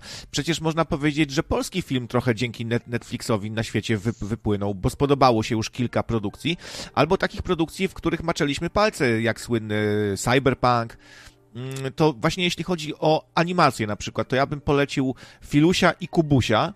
To brzmi zabawnie i jak zobaczycie sobie e, screeny, to może możecie się dziwić, czemu krawiec poleca bajkę o jakichś dwóch śmiesznych ludkach. No, tam się wszystko rozgrywa w takiej e, baśniowej bardzo krainie, bo bohaterami są kubki dwa. No, Filuś i Kubuś są kubkami. Mają słomkę nawet w, w, włożoną w głowę. E, I cały, cała kraina jest zamieszkała przez takie dziwne istoty. A to gadające warzywa, a to jakiś nocnik z nogami. No po prostu totalnie popieprzone. Gra powstała, e, przepraszam, film powstał właśnie na podstawie gry której główną jakby siłą była grafika, nawiązująca do bardzo klasycznej disneyowskiej animacji i rysunku, i to było główną siłą, a, po, a powstała i produkcja e, na Netflixie. E, I Himena bym, bym polecił, e, remake Himena, Władcy Wszechświata, bo to jest taki Himen, e, no nie, nie taki dziecinny, jak kiedyś to jest taka poważniejsza produkcja, która jest trochę, można powiedzieć, no w stylu japońskich anime, tak, że, że no nie jest to dla dzieci koniecznie, a nawet no niekoniecznie, bo to tak, e, taka trochę poważniejsza animacja, nie? Z tego wyszła. Jest fajnie cały lore tego świata. Himena bardzo rozbudowany. W końcu poznajemy różne tam szczegóły, niuanse. E, tak więc z, z, animacji to Filuś i Kubuś, Cyberpunk, e, i rozczarowani oczywiście. I Władcy Wszechświata i rozczarowani, których ty poleciłaś mi, bo nie spodziewałem się, że to będzie coś dobrego, a uchachałem się niemożebnie po prostu przy tym. Okazało się, że to jest naprawdę świetna produkcja i doskonały humor, nie? Tak. Ale, ale czy nie uważasz, że z czasem jakby tak zaczyna troszkę nudą wiać? Jakby ten serial, wiesz, zwalnia, tak mi się wydaje, nie? Jeśli chodzi o pomysły, tempo, tak, tak już mi się po prostu przestało chcieć to oglądać, a na początku to wow, nie? Cały czas coś się działo, zwroty akcji. Po, y, może to chodzi o to, że poznajemy na początku bohaterów też, e, potem jakoś mniej ciekawie. Teraz trudniej nas zaskoczyć. No. E, no ale mi się tam podoba, bo tam cały czas jest ta historia rozwijana, tam są tajemnice odkrywane po kolei księżniczki Bean i tej rodziny, tego jej brata. E, no, także te różne światy też są odkrywane, te wizyty, a to, a to w niebie, a to w piekle. No, dużo się tam dzieje i no, naprawdę, to jest taki serial jak dla mnie, dla całej rodziny i tam i dorośli i dzieci e, się mogą świetnie bawić e, przy tym serialu. A czy on ma w sobie coś takiego, no, jak wiele dzisiejszych produkcji, coś takiego genderowego, nie? No bo ten elf, elfo to taki jakiś, no, ste, wręcz stereotypowy gej, i tam bardzo dużo takich aluzji jakichś do płciowości, do jakichś, do homo, do, że się podoba coś tam, ktoś kręci kogoś. Nie wydaje ci się, że tak trochę jest? Jakoś tak genderowy. No to prawie jak większość, większość tak, produkcji na Netflixie.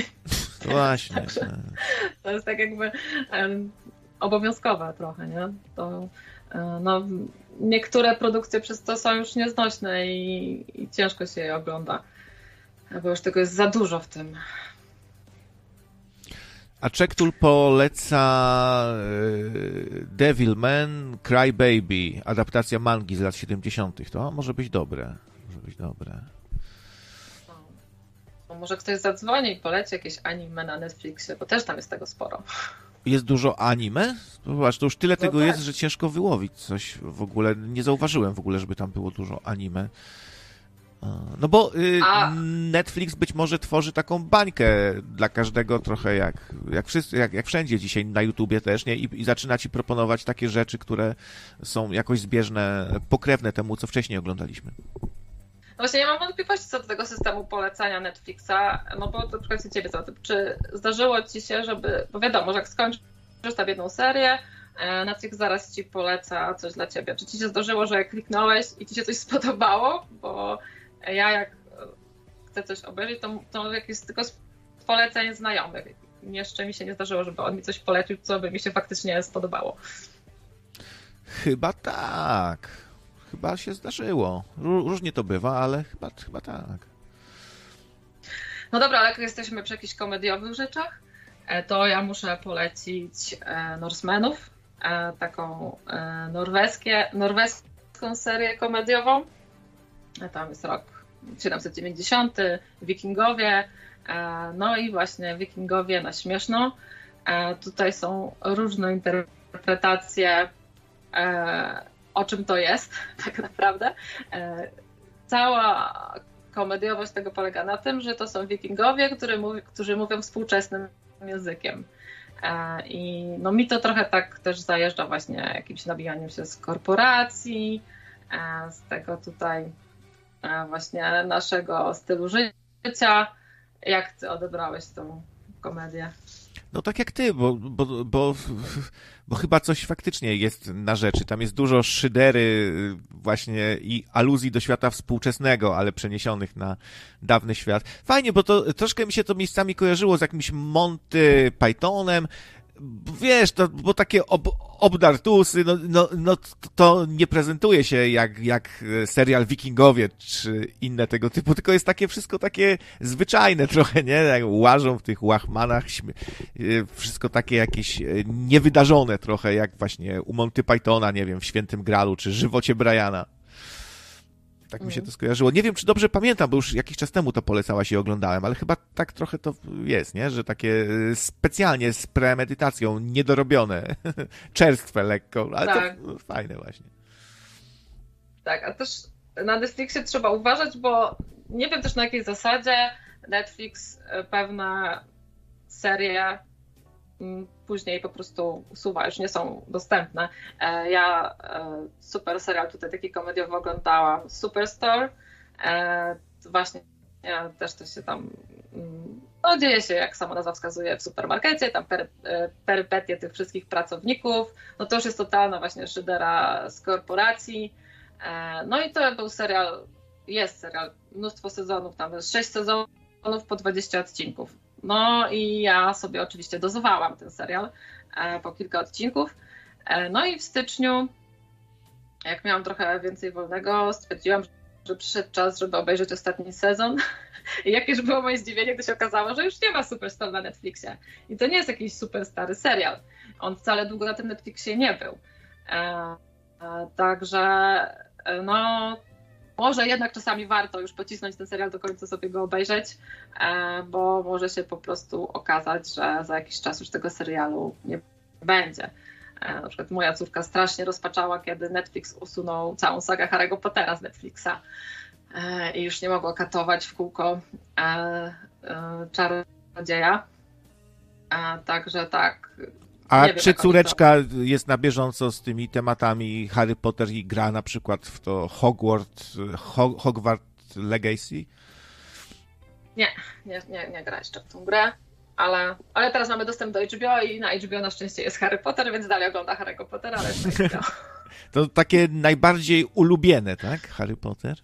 Tak, tak. To jest właśnie śmieszne u dzieci, że one potrafią w kółko katować to samo.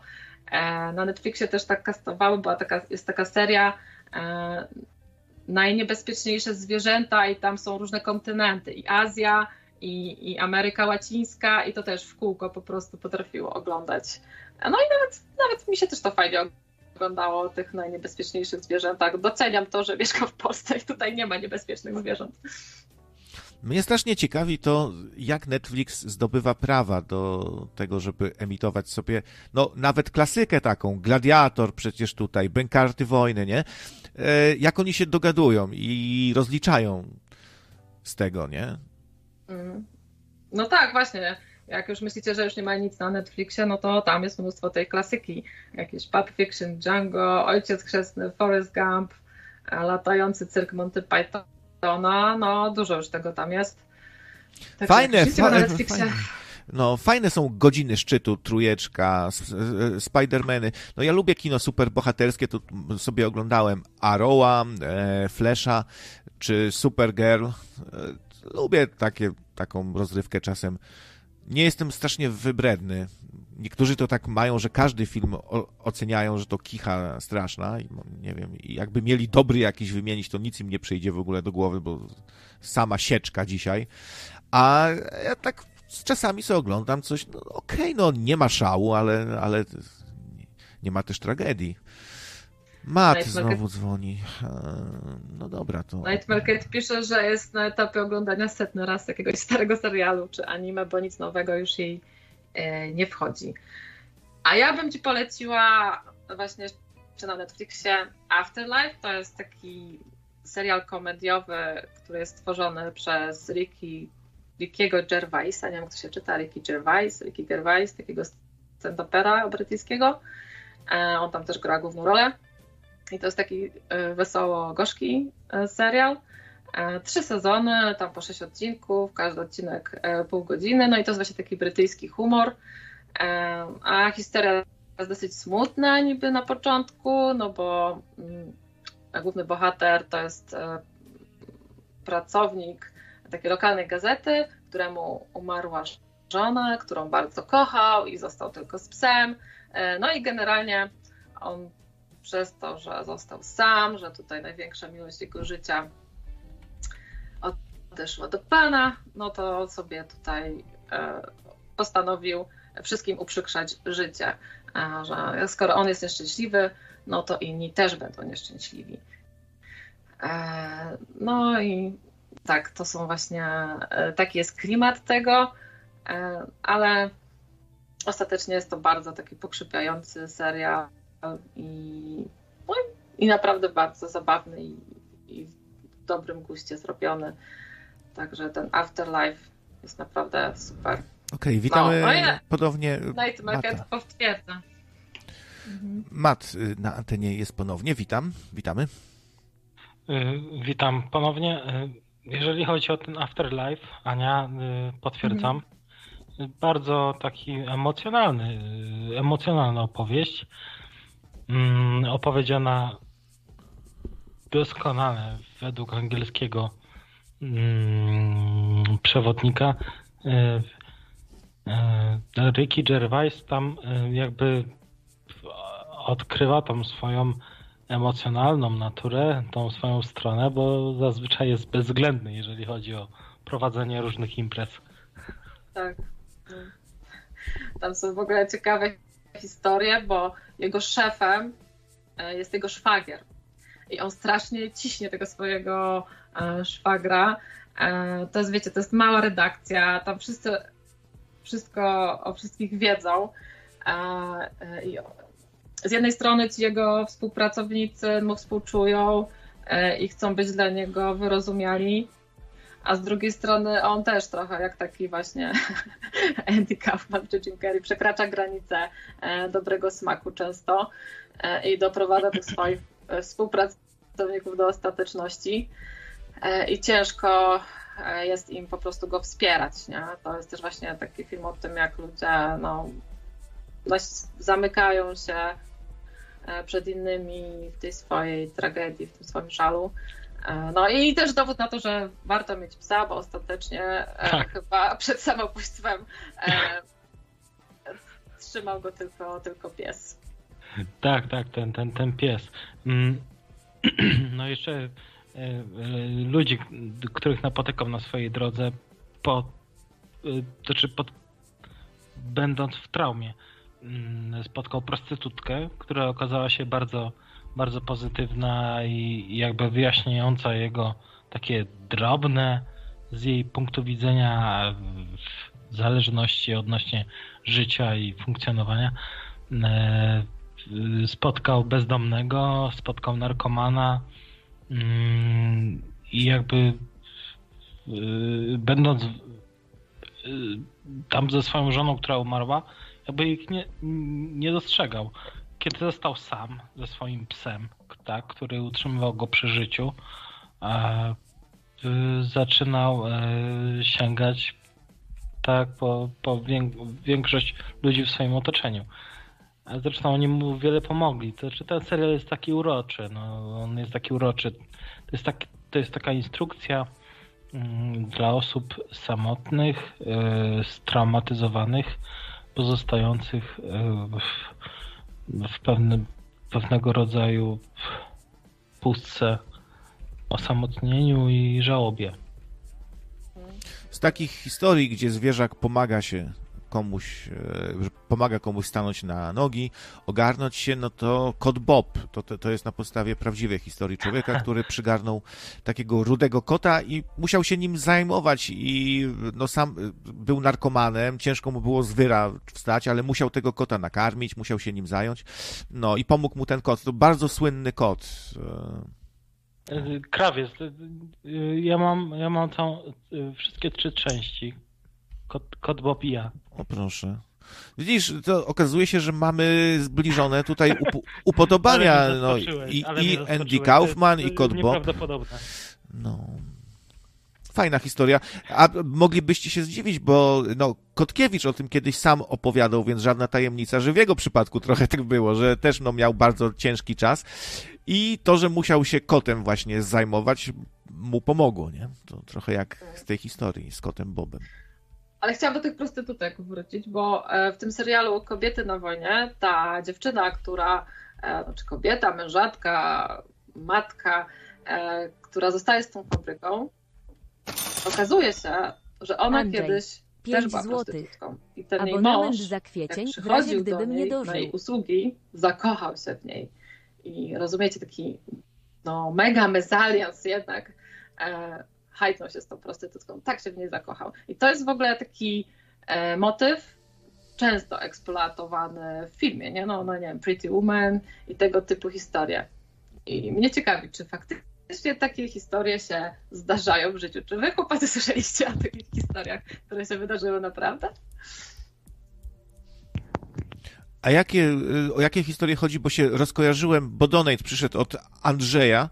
Dzięki, Andrzej, abonament za kwiecień w razie gdybym nie dożył. No Andrzej, z tego co pamiętam, ma takie myśli jakieś tutaj e, czarne, czarne myśli w ogóle.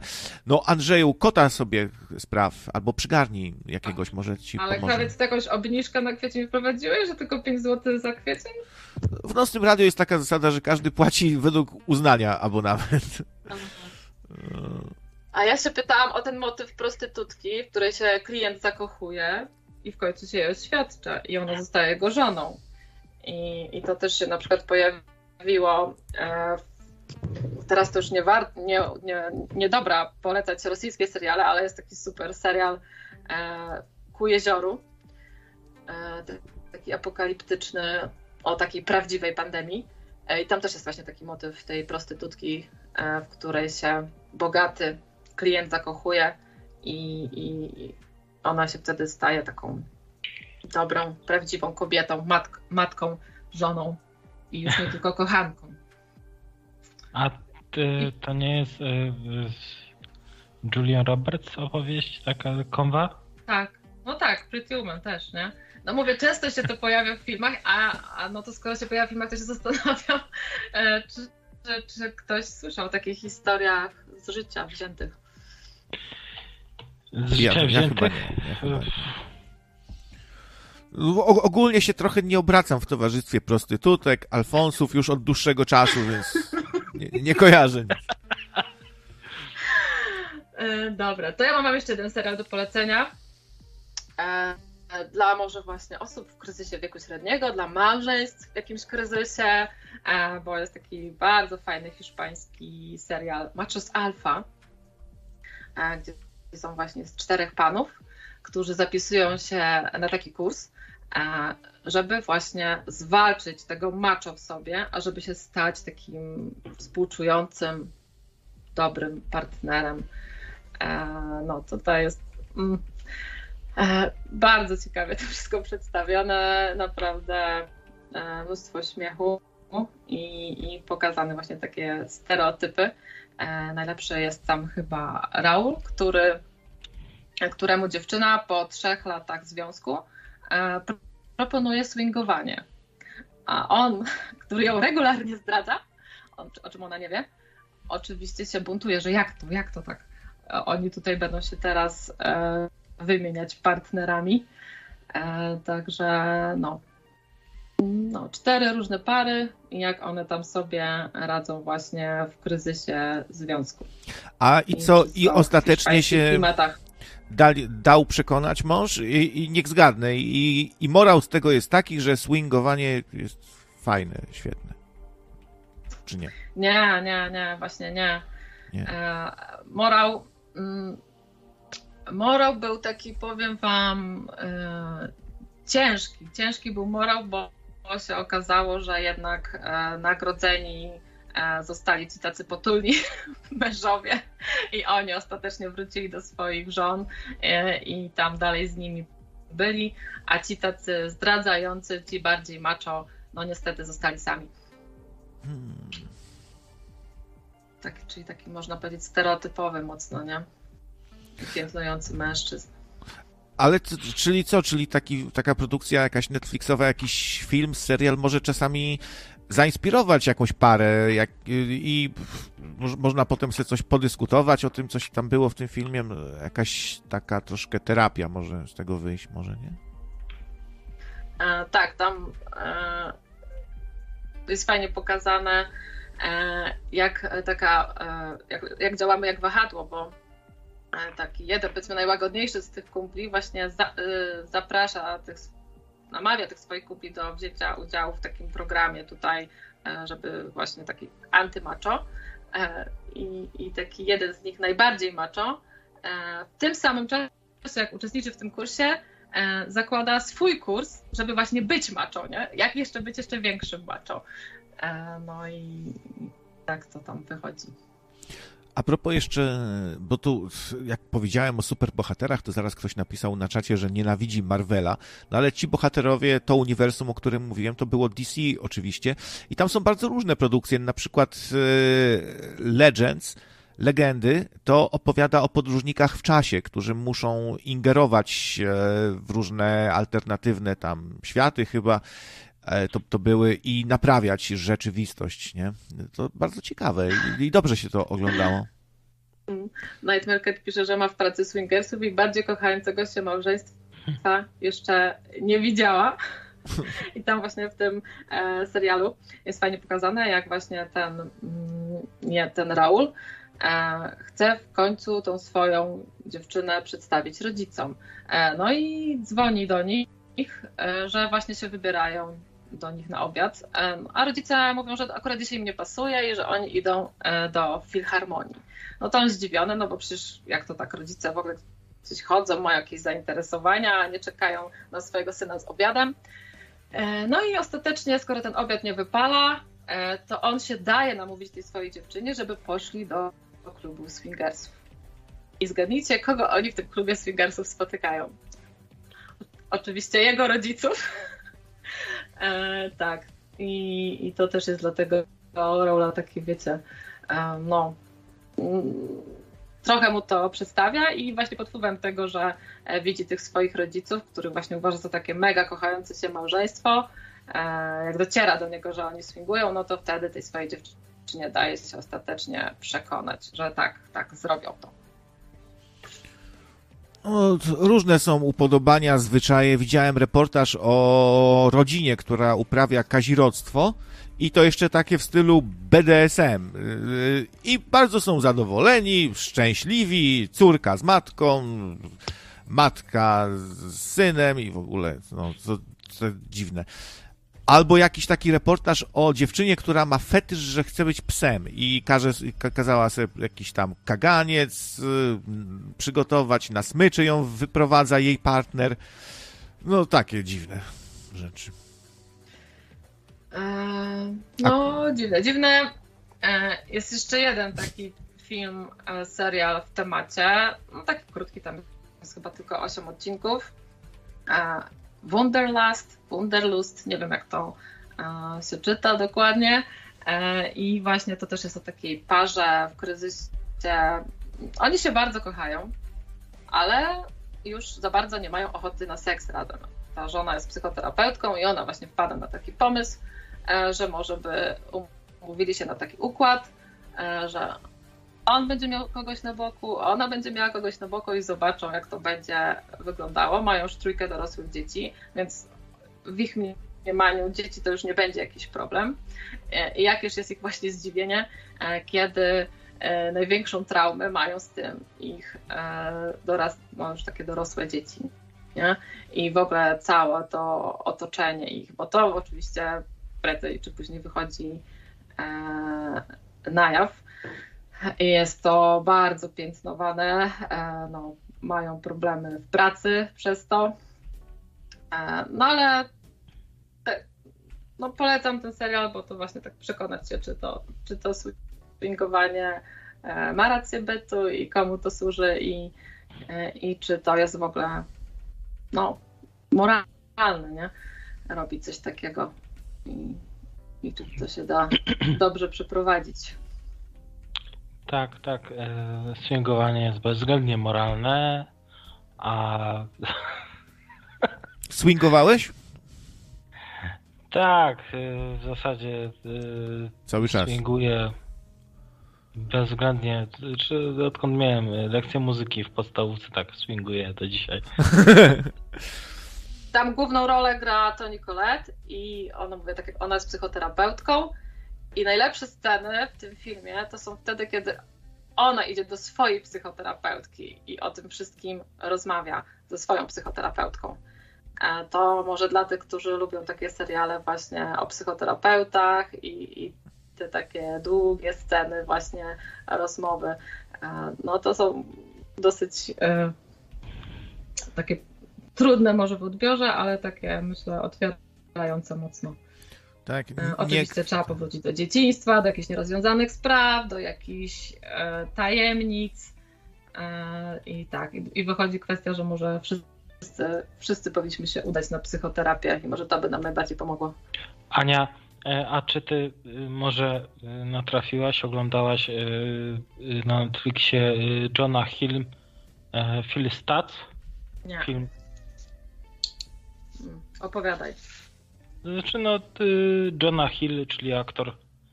E, kojarzysz Johna Hill? Z- e, nie wiem. No, Wilk, Wilk z Wall Street. E, o, on tam na Netflixie ma, ma, ma taką e, serię spotkań ze swoim psychoterapeutą e, Philem Stacem. Phil Stac. A, okej, czyli to jest taki, taki dokument, tak? Tak, tak, tak, tak. Film dokumentalny. Mhm. I, I co, to jest po prostu jego psychoterapia sfilmowana? Tak, O To- kurczę. dokładnie tak. To e, wiesz, że on jakby spotyka się. No, jakby dochodzi do, do pewnego momentu, w którym jest rozpoznawalny, popularny, wszyscy go kojarzą z paleniem trawki. E, on nie może stworzyć związku, ma pewne zaszłości, jeżeli chodzi o, e, o swoje rodzinne prypetie i spotyka się e, z bezwzględnym psychoterapeutą, jednym z najlepszych na Manhattanie, czyli y, filmem Stacem. Film Stac.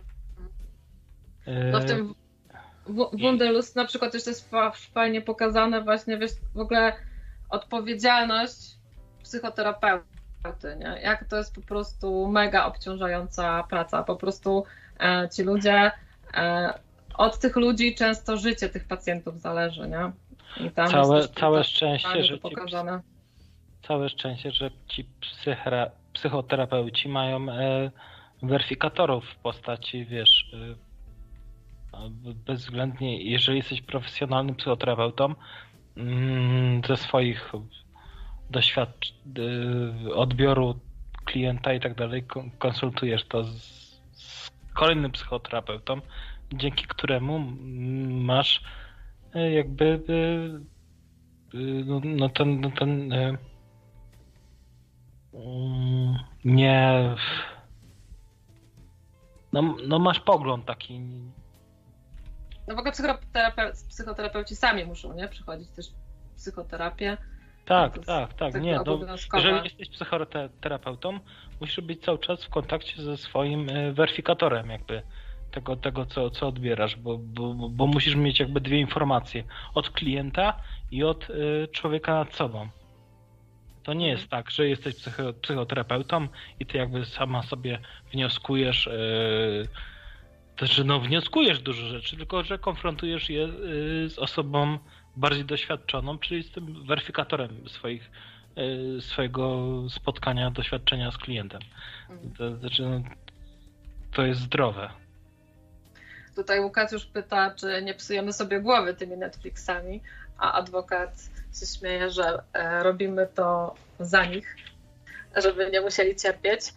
E, ja to mam takie fazy, że cza- czasami tam przez 2-3 miesiące nic nie oglądam, a potem wiem, taki tydzień sobie robię, ale jak już wybieram, to, staram się wybierać takie serie, gdzie właśnie jest mało tych odcinków, e, żeby się nie wciągnąć, żeby za dużo czasu temu nie poświęcać. No jest taki weryfikator brutalny, jak pierwsze 10 minut nie zażrę, e, to, to nie ma, że ktoś mi tam opowiada, jaki to jest super serial i tak dalej, bo tego jest tyle, że Tak. zawsze sobie można coś, coś takiego, co ci od razu przypasuje, wybrać i nie ma sensu się tam katować, nie wiem. No, tylko pierwsze trzy odcinki są słabe, ale potem to się rozkręca. Nie, nie ma takiej opcji w ogóle. Ja jestem wdzięczny Netflixowi za mm, e, to, że obejrzałem e, Cowboy Bebop, anime, e, One Piece, e, Berserk. świetne, świetne rzeczy. Berserk też jeżeli jest chodzi- na Netflixie, jest Berserk? Tak. Wow, to ciekawe. No, jestem wielkim fanem też Berserka. No, krawiec to świetne. Ja, ja pierdolę, się zakochałem w ogóle w tej opowieści. Nie wiem, nie wiem dlaczego, ale bardzo lubię tą, tą, tą grafikę, to czy to wyobrażenie Azjatów o, o europejskim świecie, bo tam było tak, takie średniowiecze, jak oni sobie tam zamki, jakieś budowle, to coś niesamowitego. No, Kentaro Miura zmarł jakoś rok temu. Wielki, wielki twórca. On właśnie świetnie łączył klimaty takiego europejskiego średniowiecza z, z rozmachem, z magią, z niesamowitością no, typową dla, pro, dla produkcji anime. A historia jest niesamowita, może dlatego, że jest wielowymiarowa i taka bardzo mistyczna, ale też no, to jest historia o, o wojnie, o, o posłuszeństwie, przyjaźni, e, o zdobywaniu, o, o poświęceniu przede wszystkim, tak? Każdy z dwóch tych głównych tak. Gri Griffin yy, i Guts, poświęcali się w bardzo inny sposób. Jeden chciał poświęcić wszystko, swoich przyjaciół, cały świat, jak będzie trzeba, poświęcić dla władzy, dla, yy, dla, dla wspięcia się na szczyt tego zamku, choćby po trupach przyjaciół. No a drugi poświęcał się właściwie, przez, no, przez długi czas się poświęca dla tej przyjaciółki swojej, która oszalała, widząc te okropności podczas tego strasznego rytuału, gdzie tam prawie wszyscy zginęli, nie? Tak, tak. I w ogóle jakieś były, e, jeżeli chodzi o ten rytuał, to tam jakieś takie w ogóle to, to, to, to, cielesność, jakieś takie tkanki ludzkie przekładające się w demony wynikające nie wiadomo skąd. Wiesz co, a, a jakbyś to porównał z Ewangelionem, który też jest na, na, na Netflixie? nie, nie jestem wielkim fanem Ewangeliona i nigdy nie byłem. No, znaczy, może być, ale to dla mnie, wiesz, o, tam o level niżej. Znaczy mi bardziej o ten finał taki metafizyczny chodzi, mm. jeżeli chodzi o ber berserki i ten... Znaczy, ja wiem, że w berserku to tam nie ma tego, tego, tego finału, bo, bo to jakby jest historia nieopowiedziana do końca. Ale, ale w tym yy, Ewangelionie to, to, tam było takie, nie wiem, no trochę e, takie Zresztą ciężko to określić. no, no, no to, to trudno, to się, to się A nie to Nightmare Cat poleca anime na Netflixie, które okazuje się jest na polskim Netflixie, a rozumiem nie ma na brytyjskim Netflixie chyba, bo Nightmare Cat z Wielkiej Brytanii nas słucha, jeśli dobrze pamiętam. A One Piece to jest słuchajcie, historia o przygodach pirackiej załogi słomkowego kapelusza. Luffy! Tak, który kapitanem jest Luffy. Gumo, gumo, gumo, gumo! To opowiadaj, ty to oglądałeś, tak? Jestem wielkim fanem Luffy'ego i jego przygód. I One Piece jest... Dla...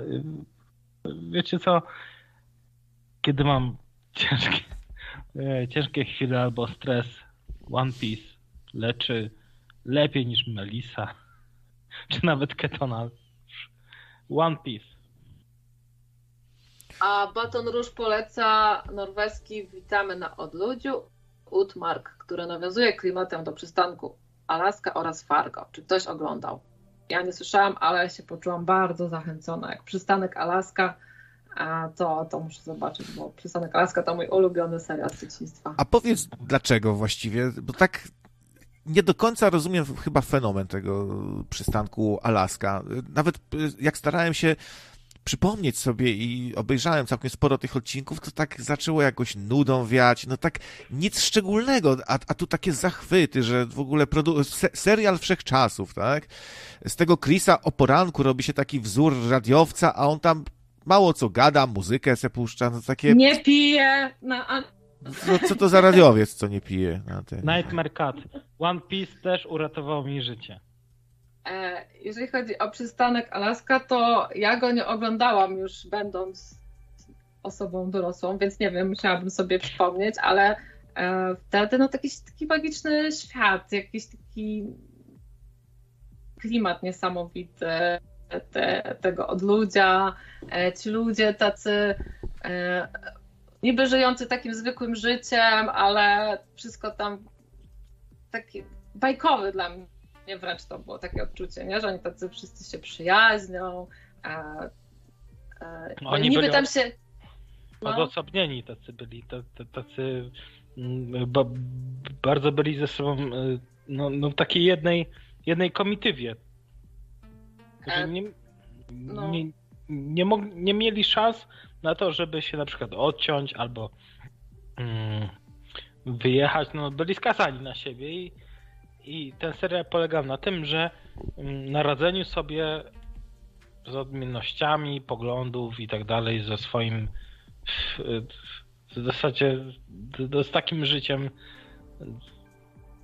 bezwzględnym. No jeżeli chodzi o, o to, jak, jak musimy sobie poradzić w tych trudnych warunkach, jesteśmy skupieni ze sobą, a pewne, pewne rzeczy emocjonalne odchodzą na bok, ale są istotne, ale jednak musimy w tym tkwić i świetne, świetne. Przystanek Laska, a przede wszystkim muzyka i ten łoś. No, no, No i to- no to wyjaśniłeś, czyli cała tajemnica w tym łosiu tkwi. Nie, dla mnie to jest taka tęsknota za taką, wiesz, idealną społecznością, gdzie jest niewiele ludzi tam, tak, i, i, i oni sobie tam wszyscy pomagają e, i ze wszystkimi jesteś zżyty. E, no takie, Jak w. Idealny- Queen. Jak w Dr. Queen trochę, nie? Też. No ale się, się, się śmiejecie, czy, czy Dr. Queen tak strasznie się różni od przystanku Dobre. Alaska? To jest ten sam schemat i też takie lekko, lekko przysłodzone, tam nie ma krwi, nie ma agresji, jest sp- e, i są wyzwania dla społeczności przeróżne cały czas. Ale ten sa, Sali, Sali jest wymachujący toporkiem, który biegnie przez krzaki. No, Mm. Albo taki- wsadza dwa palce w gówno y, i wie od razu, co to za zwierzę, kiedy tu było, y, czy na co choruje. Nie, jeszcze i, i, ta- i tacy byli e, mm, w tym miasteczku, nie? Że ten fryzjer to był tak, taka oferma. Mm, Potem był taki yy, i taki, taki że- tacy rzezimieszcy, tacy, oni byli tacy nieprzyjemni w tym miasteczku. Tacy. Coś jak rancho też trochę, rancho też takie jest nasze polskie w tym stylu odrobinę. a może to też jest kwestia taka, że to był taki pierwszy serial, nie? To wiesz, to takie coś, co jest pierwsze, to ci się wydaje takie coś nowego i, i przez to a właśnie magię nowości, to ci się tak, mm, tak podoba, nie? Nie wiem, jakbym teraz e, zareagowała na ten przystanek Alaska, ale no na pewno był inny niż to, co wszystko do tej pory się widziało. Jak to tak odebrałam. I no jakoś z serialami to jest tak, że al, to jest tak z muzyką, nie? że albo ci podpasuje, albo nie, bo czasami co mnie zaskakuje, że nie wiem, mam jakiś przyjaciół, wydaje się, że współdzielimy dużo gustów i nagle ten twój bliski przyjaciel ci poleca coś, ty to odpalasz i mówię, no nie, nie dam rady, no po prostu nie dam, nie dam rady nawet 15 minut tego obejrzeć, nie? Czasami No. tak bywa. Często się sprawdzają te polecenia, ale czasami e, zdarzała się tam te 10% e, czegoś, co ci zupełnie nie podejdzie. Więc myślę, że to no jednak każdy jest inny i zależy tam na jakich strunach nam ten serial zagra. Czasami wystarczy jeden wnerwiający aktor i już nie, już nie dasz rady. Albo właśnie ten y, wnerwiający aktor cię przyciąga do serialu, bo y, kurczę, no, no wyjaśnimy y, sukces, y, mo- mody, na suk- mody na sukces, albo nie wiem, tych tureckich, albo teraz ukraińskich serialów, o których w ogóle ja nie śledzę, a, a, a słyszę, że mają jakąś niesamowitą popularność. Ja myślę, że magia mody na sukces polega na tym, że to było świetne tło e, do tego, co się robi w domu, tam do gotowania, prasowania. e, Albo w biurze. że się, że się cały czas było na bieżąco, bo ja pamiętam, że jeździłam e, na, na wakacje do mojej babci, która oglądała modę na sukces. O Boże. Oglądałam z nią to wtedy. Przepraszam Ania, Tak. że przerwie, ale to jest dokładnie to samo. Babka i moda na sukces. Jeszcze ta e, taka serwetka na telewizorze. Tak, serwetka też była. I potem, e, wiesz, mijało tam pół roku i przyjeżdżałam na ferie i znowu oglądałam po półrocznej przerwie modę na sukces i dalej wiedziałam o co chodzi. Bo tam się tak wszystko wolno toczyło, e, że mogłeś sobie zrobić pół roku przerwy i właściwie nie, nie wychodziłeś. e, Wiesz, ale, ale ta, to w ogóle ta akcja była jakaś taka analfabetyczna, bo tak ty, ty prze, przerwałeś sobie serial przez 3-4 lata, a oni dalej o tym samym. I to było takie to, dla tych babci takie Nie wiem. Ale starsi, Ale to? Starsi ma- ludzie na przykład lubią takie spokojniejsze rzeczy, nie? One niby były spokojne, ale tam się wiesz, wszyscy ze wszystkimi zdradzali. E, Raz ten z tą, raz tamten z tamtą. I tak ja tego nie mogłam pojąć, jak te babcie mogą się tak tym fascynować, tymi zdradami, tymi rozwodami. E, To mi się tak kłóciło z wizją babci. Nie? Ale, może na, właśnie na, na przykład y, Rich. Rich miał taką twa, twarz, która była, ona się modyfikowała wraz z lat, w ogóle ja nie wiem, ona cały czas bardziej była płaska, nie, nie wiem, taki był Rich, brunet. Tak, tak, tak. jak jak pamiętasz wszystko tam. tutaj, chyba ulubiony serial tam Moda na sukces. U babci, tutaj Night Market też pisze, że właśnie u babci wakacje to moda na sukces obowiązkowo była. Ja też uważam, że, że ta, to były seriale. Moda na sukces, Niewolnica Izaura, a to gówno jakieś Black Mirror, Breaking Bad, co na Netflixie jest. E, Sandman, Popłuczyny, Popłuczyny, Niewolnica Izaura, to było coś. Wiecie co, taki, e, tak jak e, miałbym tak pomyśleć, bo tak, no moja babcia oglądała seriale, no okej, no miałam ten czas, to luz, oglądała swoje seriale, ale taki serial, który skupił całą rodzinę po raz pierwszy. No kiedyś to, No to by, byle gówno dynastia. skupiało wszystkich. No właśnie, jakaś dynastia. Czemu? Nawet ja to jako dzieciak czasem tam oglądałem, bo wszyscy oglądali. To był taki czas, gdzie nie było niczego i tak na zasadzie, że dostaniesz czekoladę z RFN-u, to, to dostajesz orgazmu i to jest wielki dzień dla ciebie, nie? I inne ci dzieci zazdroszczą. To trochę chyba... Blake Carrington, to... A czy ktoś mi może wyjaśnić w ogóle, jaki był motyw tej dynastii? Czy oni tam e, mierzyli się z jakimiś przeciwnościami, czy w ogóle o czym, o, o co chodzi? Bo ja kojarzę dynastię jako tako, takie zjawisko, tylko że mm, jakby nie, nie znam tej fabuły. No, co tak ściągało? No jak wszyscy bogaci ludzie, oni mieli bardzo dużo problemów. E, No Blake Carrington, to tam z tą swoją byłą żoną Alexis, to było tak też pięknie pokazane, że zła Tak. to jest brunetka, a dobra, e, tak, to jest ta blondynka. Jeszcze to imię Crystal, tak, czyli krystalicznie Tak, czysta. E, takie, takie, no, to tak jakbyś bajkę oglądał. To tak samo e, dla dzieci bajki są mega schematyczne, nie? Dobrzy są zawsze piękni, źli to są ci brzydcy, czy właśnie a tam bruneci. byli wszyscy piękni. Tam akurat byli wszyscy piękni, no ale tam było kolorem włosów podzielone, nie? Brunet to jest ten czarny charakter, Tak, a tak. blondynka to jest ta niewinna. A ta kryształowa to musi się krystal nazywać, żeby przypadkiem, żeby, żeby nie było, że ktoś nie skuma, o co w tym chodzi. No. A czy ktoś oglądał ostatni odcinek Dynastii? Czy, czy w ogóle istnieje takie coś? Było coś takiego. E, Słynny. Pewnie było, Jak to się ale nie wiem, czy wiecie, na Netflixie jest nowa wersja za- Dynastii. Zażywają truciznę i umierają w tym salonie? E, Nie, ja nie, nie, nie pamiętam, jaki ostatni, na pewno oglądałam, ale nie wiem, jak się Dynastia skończyła, ale wiem, że na Netflixie jest nowa wersja Dynastii i nie wiem, w ramach zamiast Drogi Krzyżowej można by spróbować to obejrzeć.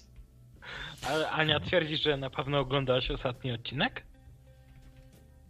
Na pewno, no tego bym nie przegapiła, jak oglądałam całą Dynastię. A słuchajcie, a co myślicie o tym, tak zmieniając troszeczkę temat, o, y, że wszyscy tak często hejtują tego Netflixa, że to takie gówno. A moim zdaniem to jest niezasłużone i przesadzone bardzo, no bo w sumie ten Netflix dał nam y, jedne z najlepszych seriali wszechczasów i to całkiem sporo ich dostaliśmy. Wspomniany Breaking Bad jest uważany za, przez wielu za najlepszy serial wszechczasów w ogóle.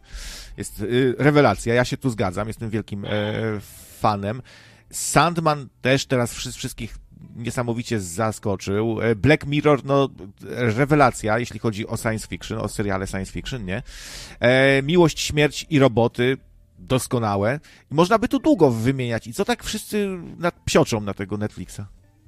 Ja myślę, że chodzi o to w tym na Netflixa, że ludzie po prostu zamiast robić jakieś, wiesz, ciekawsze rzeczy, to tylko odpalają tego Netflixa i to jest taki synonim tego, że no nie wiem, tak jak, nie wiem, kończysz pracę w korpo, wtedy wracasz do domu, odpalasz Netflixa e, i tylko to sobie sączysz do głowy, nie? Że Mhm. to jest po prostu takie, nie wiem, odtwórcze e, i, i łatwo na ciebie jakoś wpływać.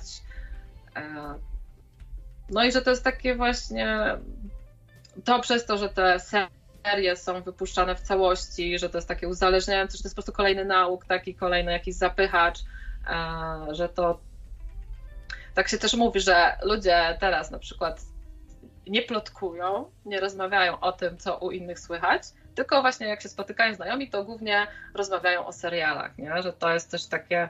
Um, czy plotkowanie jest dobre? No to te, też w sensie, że zamiast rozmawiać o jakichś ciekawszych tematach, no to to jest taki temat zastępczy i jakby nas to no też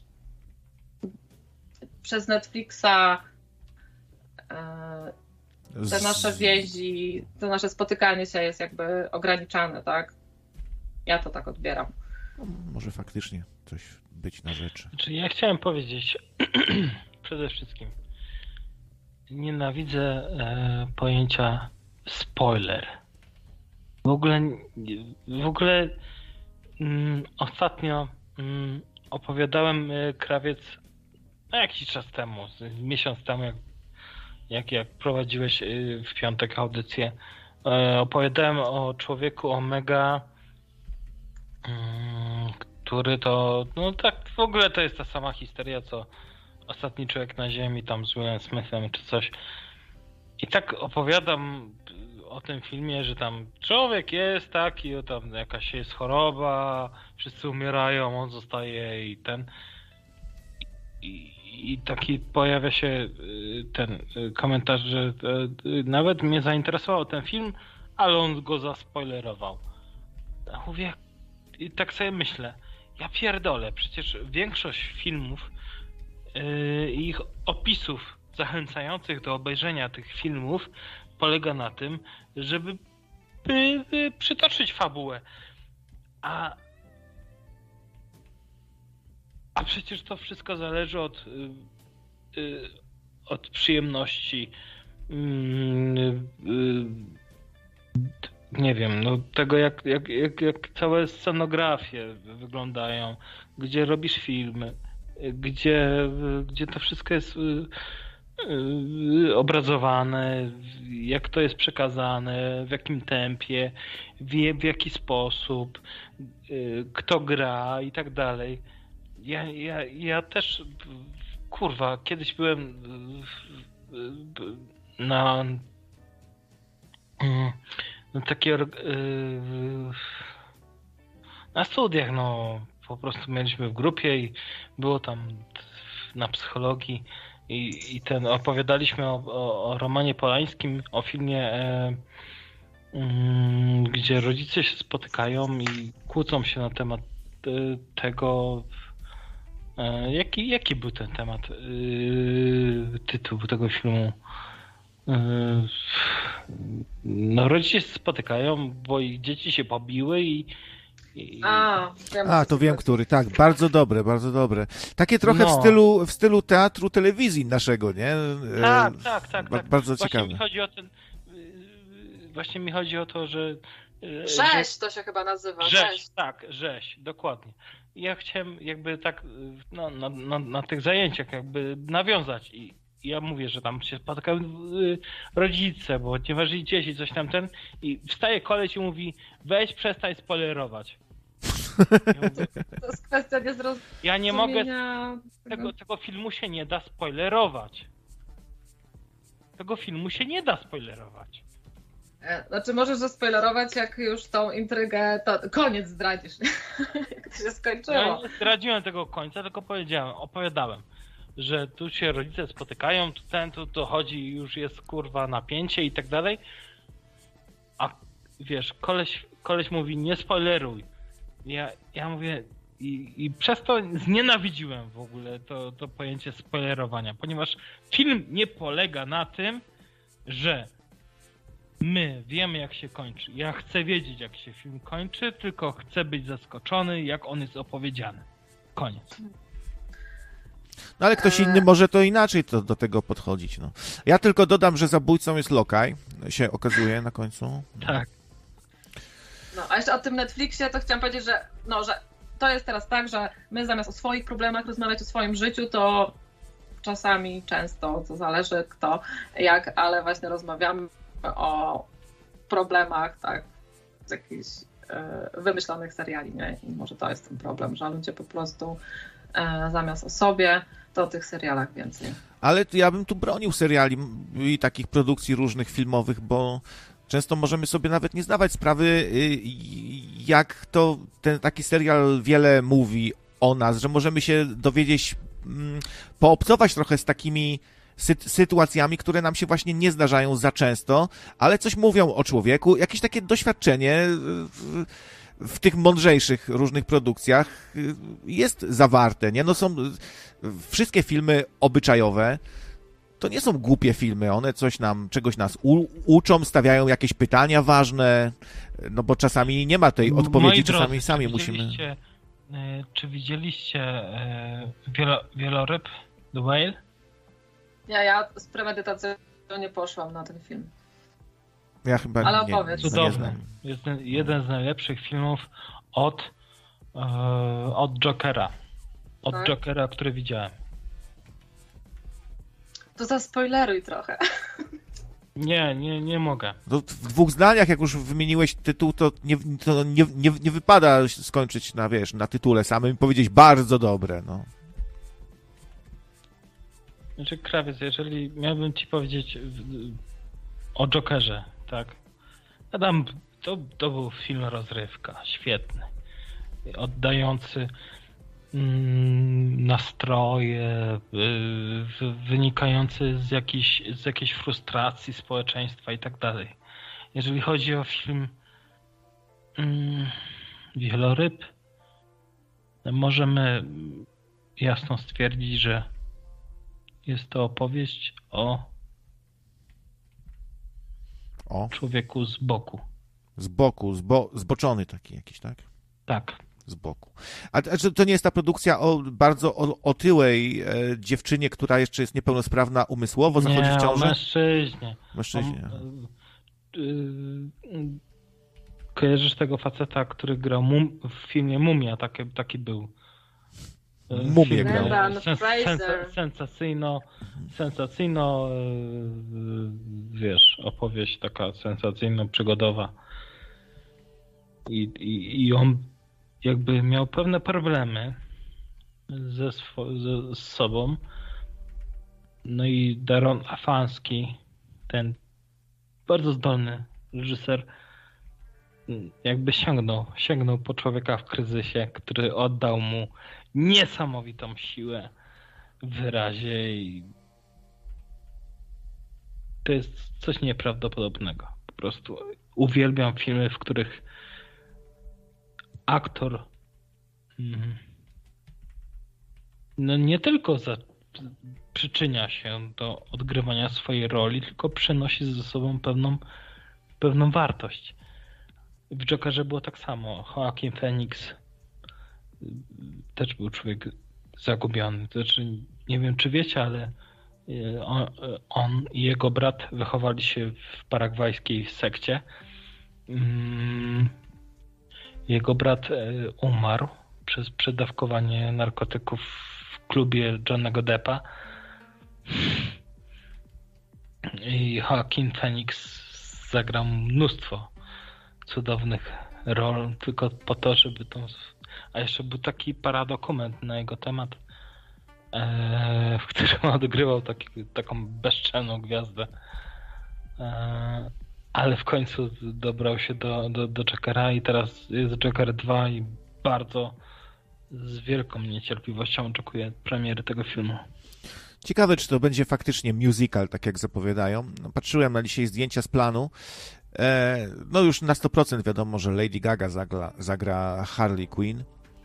E, trochę mi się nie podoba, że tak uciekają od tego klasycznego kostiumu. Chętnie bym w końcu zobaczył tą Harley w klasycznym kostiumie, a tu tak się, nie wiem, boją ją, tak ubrać dziwnie, czy co. ale to może nie pasuje, bo to będzie taki mądry film, no to, a ona w stroju e, takim pajaca, nie? No to może nie, nie, nie pasuje. No ciekawe, co wyjdzie z tego. A y, Joaquin Phoenix to też właśnie z tych aktorów, co bardzo się, y, to się jakoś nazywa aktorstwo totalne, czy coś takiego, to, że e, aktor się wczuwa tak na maksa w postać i za, zaczyna nią być na co dzień, żeby no, obcować z tą rolą cały czas, nie wychodzić z niej. Zresztą o tym wspomni, wspominaliśmy za nią, jeżeli chodzi o e, człowiek, człowiek z Księżyca. To tak, to jest to. No a ja widzisz tutaj, y, ja z premedytacji poszłam na wieloryba, bo on tu miał premierę jakoś chyba w lutym i to był jeszcze taki y, O, nabrał ciemny tempo, czas. Ja po prostu nabrał tempo po Oscarach. E, Tak, i ja po prostu wiedziałam, że to będzie ciężki film, właśnie tak samo jak Joker był dla mnie ciężkim filmem, że ja po prostu dwa dni się e, e, po nim dochodziłam do siebie i po prostu mówię, nie, nie, ja kiedy indziej obejrzę ten film e, w jakichś A, wiesz, bardziej Ania- sprzyjających okolicznościach przyrody. Ania, na przykład kojarzysz film Baumbaka? Baumbach? Bach, bach, to ja nie znam. Yy, na przykład yy, yy, To jakiś ostatnio film jego film był związany z tą teorią mm, yy, Biały Szum. Aha, ten... Tak, tak, to, to, że, że ten pociąg się wykoleił tam. e, A to ja to widziałam, ten biały szum. Ja tak, wam powiem, widziałaś, że a, a, ja Alan, Alan Driver tam gra. Tak, tak. E, no, wam. Ja nie wiem, co o tym filmie sądzić. Ja nie wiem, o czym on tak naprawdę był. O niczym, zupełnie, tylko że On był. Bo, to- bo to jest jakby, e, e, wiesz, jeżeli chodzi o Baumbaka, to, to jest jakby jego uniwersum aktorów. Ta dziewczyna, która grała w Białym Szumie tam, tą, tą rolę, no, na przykład Frances H. Taki film, e, coś ci mówi? Frances H? Mm, Ostatnia rodzina, e, e, tam grał Alan Driver i Scarlett Johansson, kiedy się rozwodzili. A, historia małżeńska. Tak, tak, no, to tak. tam tak, widziałam, widziałam to, no. Yy, I to jest taki aktor, yy, też reżyser yy, Baumbach, który yy, yy, on, on tam oscyluje wokół, wokół takich emocji. Jeżeli podobał, jeżeli podobał Ci się film yy, Historia Małżeńska, to yy, bezwzględnie musisz sięgnąć do Frances H. Mm, no wiesz, to coś jak, ja- ja- jak Woody Allen, coś, coś w tym stylu, wiesz, takie, takie filmy przegadane, emocjonalne. Ale, ale, ale, ale ja e, Greenberg, e, e, nie wiem, czy kojarzysz Greenberg, mm, mm, ten, e, nie Sandler, tylko ten, ten, ten drugi aktor tam grał e, w Greenbergu, e, który o, e, wyreżyserował mm, Jaja w tropikach. Bardzo niedoceniona komedia, a bardzo dobra uważam. No, a historia małżeńska. Dobry film, ale tam najlepsze role to są e, drugoplanowe. Ray Liotta jest świetny po prostu. E, no tak, jak chcecie się przekonać, e, jak drogą zabawą jest rozwód w Stanach, to, to tak, trzeba to zobaczyć koniecznie. No jako, jak ciężkie jest to przeżycie. Nawet jak ludzie wykształceni, kulturalni próbują Tak. się rozstać, jak to, jak to przebiega. Słuchaj, Ale- no jeżeli, jeżeli ten film ci się podobał, to musisz sięgnąć do Baumbaka głębiej. Frances H., e, Greenberg. No są świetne Mhm. opowieści, które musisz zobaczyć. Dobra, dobra, to będzie materiał na następne spoilery. W takim razie. No właśnie, a my, my tak powolutku będziemy kończyli, bo w sumie audycja miała być do 23, już przedłużyliśmy i tak. A więc powoli, powoli będziemy się żegnali. To co Tak. macie? Dobrze, Dziękujemy y, za dziękuję, telefon. y, Dziękuję za rozmowę. Ania, pozdrawiam cię serdecznie. Dziękuję, krawiec. Y, Dobranoc. Dobranoc. usłyszenia. Pozdrawiam. Cześć, cześć, Do usłyszenia. Na następnym spoilerze na pewno, ale może i szybciej. E, no, a tutaj już polecacie zombie bobry, morderczą oponę. E, jak już jesteśmy w takich klimatach najlepsze z najgorszych, to w tych kinach kameralnych jest właśnie taka e, mm, seria najlepsze z najgorszych i są puszczane właśnie e, te filmy klasy B, e, tak mniej więcej raz w miesiącu. No i to jest super przeżycie, wybrać się na taki seans. Ja właśnie tak walentynki tak spędziłam na takim seansie. To już może właśnie robiąc taką klamrę do tego dokumentu Killer Sally, to byłam na takim e, horrorze, e, którego tytuł jest Killer Workout, czyli zabójczy trening, albo e, też ten film e, funkcjonuje pod tytułem Aerobicide, czyli jakby e, tak mm, mm, taka apokalipsa e, nie wiem, przez aerobik, czy w klimacie aerobiku. E, e, to jest taki niby horror, a- ale taki właściwie półerotyk, bo to się wszystko dzieje właśnie w latach 80. e, w, e, w takim klubie fitness e, i dużo jest zbliżeń na pośladki, biusty skąpo tutaj odziane w takie sportowe stroje. No, trup ściele się gęsto, a wszystko to jest podlane tą muzyką z lat 80. E, No i naprawdę świetnie to wyszło. Także jak jeszcze nie widzieliście Killer Workout, to, to Wam polecam. No i w ogóle wybrać się właśnie na te seanse e, tych horrorów klasy B. E, kupa śmiechu. Mało która komedia Was tak rozbawi jak te horrory.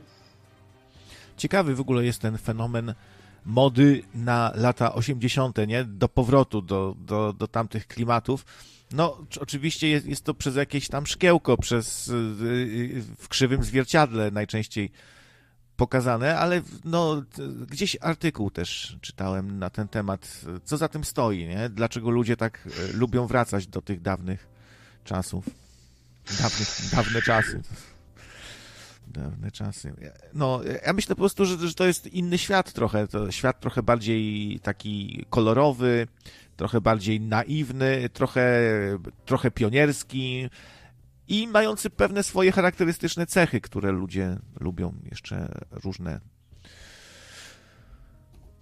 No. To co, że, żegnamy No. się? Tak, Ania. żegnamy się. Dzięki za dzisiejszy Netflixowy wieczór. I może w przyszłym kwartale też jakiegoś spoilera popełnimy. Możemy, możemy. E, Zobaczymy, czy jakiś temat e, przyjdzie Ani do głowy, bo, bo jeśli coś ma tutaj być, to pewnie Ania coś zaproponuje, wymyśli. Um, no. Ale o tym Netflixie to ty akurat mówiłeś. A nie, to ty zaproponowałaś, żeby zrobić chyba audycję o, o tym, co warto zobaczyć na Netflixie. Ale najpierw usłyszałam to u ciebie na luźnych gadkach. A, widzisz. Tak, tak. No, No y, są jeszcze takie produkcje, no, y, a gdybyśmy tak mieli e, na koniec może wymienić w ogóle wszystkie najwartościowsze rzeczy na Netflixie, e, takie seriale wszechczasów, które tam są, no to czy Squid Game twoim zdaniem by się tam znalazł? Na przykład? Mm, nie. Nie. A Wednesday? Tak. A to, tak. to, to widzisz, to różnimy się tutaj, bo na przykład mi się nie, jakoś nie, nie zaciekawił mnie w ogóle ten Wednesday, e, a Squid Game'a uwielbiam, Czy, czyli trochę mamy inne gusta, widzisz, czasami. No nie musimy się zawsze zgadzać. No, nawet nie powinniśmy. Tak, było ciekawiej. No, a zgadzamy się, że już kończymy. Tak, tak. Dzięki jeszcze raz za ten Netflixowy wieczór. I do usłyszenia niebawem. A, zapraszam Was na tydzień. Koniecznie bądźcie o 21, a, bo będę mieć już e, gościa bardzo ciekawego, a właściwie gościnie dokładnie. Nie, nie przegapcie tego. niektórzy nie lubią tego słowa gościni, się z niego śmieją, a moim zdaniem bardzo sympatycznie tak się zwracać. Jest to nic, nic zdrożnego. Nie, nie uchylisz rąbka, nawet nic tu. Będzie równa babka z Pomorza. Tyle wam mogę powiedzieć na razie. I, i będzie przedwyborczo i politycznie. O. Mhm. Tak, także będzie gorący, gorący wieczór przedwyborczy u nas. To, to zdradź przynajmniej, czy posłanka może, czy osoba związana z polityką, coś takiego?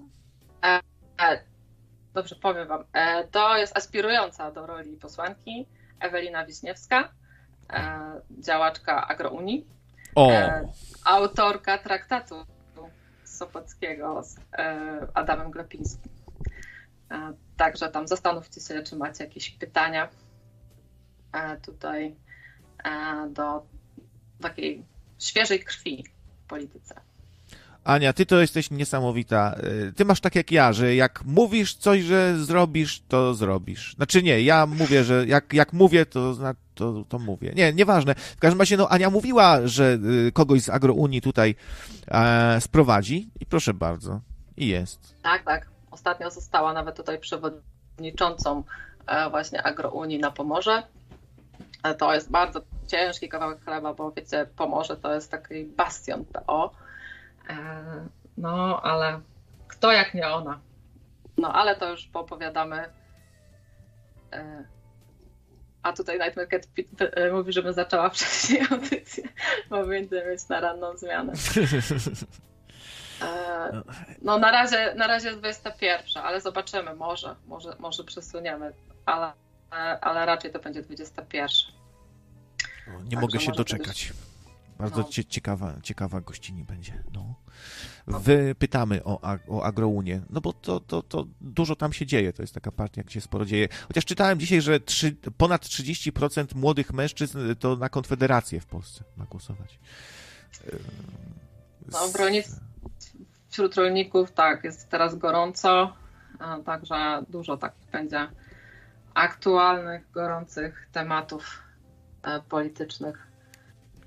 E, I dla mnie tak naj, e, najciekawszy może w tym wszystkim to wiecie, jak mieszczuchów e, nakłonić może do właśnie głosowania na taką partię jak Agrounia. Jak No. w ogóle nakłonić właśnie prze, prze, przeróżnych nierolników, nie? Osób w ogóle niezwiązanych z wsią, z rolnictwem, bo są na to szanse. My- Myślę, że każda taka partia buntu społecznego może aspirować do tego, żeby zdobywać sobie wyborców z, z, z takich grup, nie, niekoniecznie, które są kojarzone z nią, nie? Z tą partią. No dobra, ale to za tydzień e, się spotkamy tutaj z Eweliną Wiśniewską, a tymczasem dobrej nocy. Dzięki Wam wszystkim. No, dzięki za donaty, prawda, krawiec? Tak, tak. Bardzo ładna jamużna wielkopostna. Bardzo dobrze, Tak, bardzo. tak trzymać. No, dzięki Mat, że to właściwie trzeci współprowadzący był dzisiaj. E, No tak. tak. I do tego Jim i Andy to chyba najbardziej z tego wszystkiego Was zachęcam, żeby to obejrzeć, bo to e, dla tych Was, zwłaszcza, którzy się właśnie interesują, jak powstają filmy, jak, e, jak tutaj artyści budują te swoje postaci, że im tak to potem dobrze wychodzi, to tak, ten Jim i Andy to myślę taki obowiązkowy z tego wszystkiego. Tu, tu, no, no, już by- byśmy się mogli żegnać, ale tu ludzie cię prowokują, widzisz, się pytają, czy bardziej ci się podobają takie twarde samce jak Furiat, czy bardziej tacy mili i łagodni jak Grzesiu od pizzy, no już tu kombinują, jak, jak tu zatrzymać nas, nie, na antenie. No. Tak, tak, to, to na jakichś luźnych gadkach sobie pogadamy może. Dobra. To trzymanką w takim razie. Do usłyszenia. Trzymajcie się, dobrej Hej, nocy.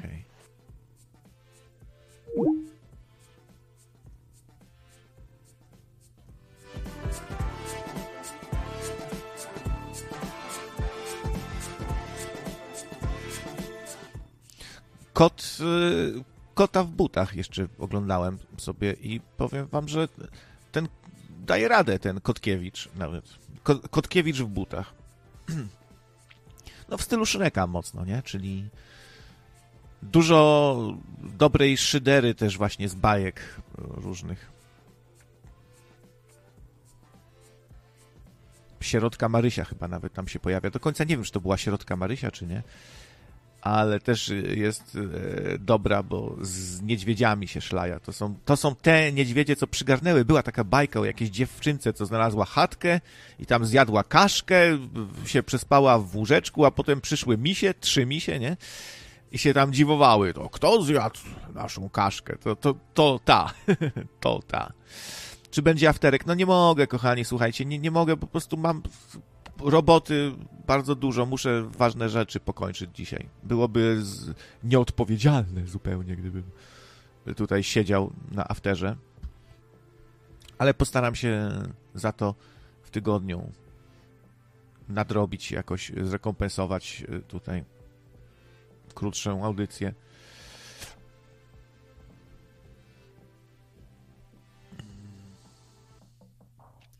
przynajmniej film o czymś faktycznie mówi. Eee, Miki pisze. Ale to chyba nie ma na, na myśli kota w butach. Chociaż to jest bardzo mądra bajka. Tam kot w, kot w butach y, stara się odnaleźć y, wraz z kompanami, szukają gwiazdki z nieba, która może spełnić życzenie. W przypadku kota w butach jest to chęć, żeby miał znowu dziewięć żyć, bo już mu tylko jedno zostało. Jak ja go doskonale rozumiem, no przecież tyle lat grałem w RPG człowiekiem kotem, który miał właśnie dziewięć żyć. No. Chociaż y, jak na przykład ścieli łeb, to, to traciłem wszystkie dziewięć. Do dziś pamiętam tekst. Tak ci pierdolną, że, że ci wszystkie dziewięć poszło naraz. No i tak dalej. No, zaraz sobie chyba włączę tutaj w tle, będzie coś grało. Też tak macie, że czasem leci film i nawet go nie oglądacie, tylko słuchacie go, a no bo trzeba coś na komputerze tam robić, pracować, nie? Ja tak mam, powiedzmy. Mm, może nawet coraz częściej. Chyba wszyscy lubimy, jak nam coś gra, nie? z takich osób, które siedzą y, w ciszy całkowicie, to będę strzelał. To adwokat tylko jest jeden.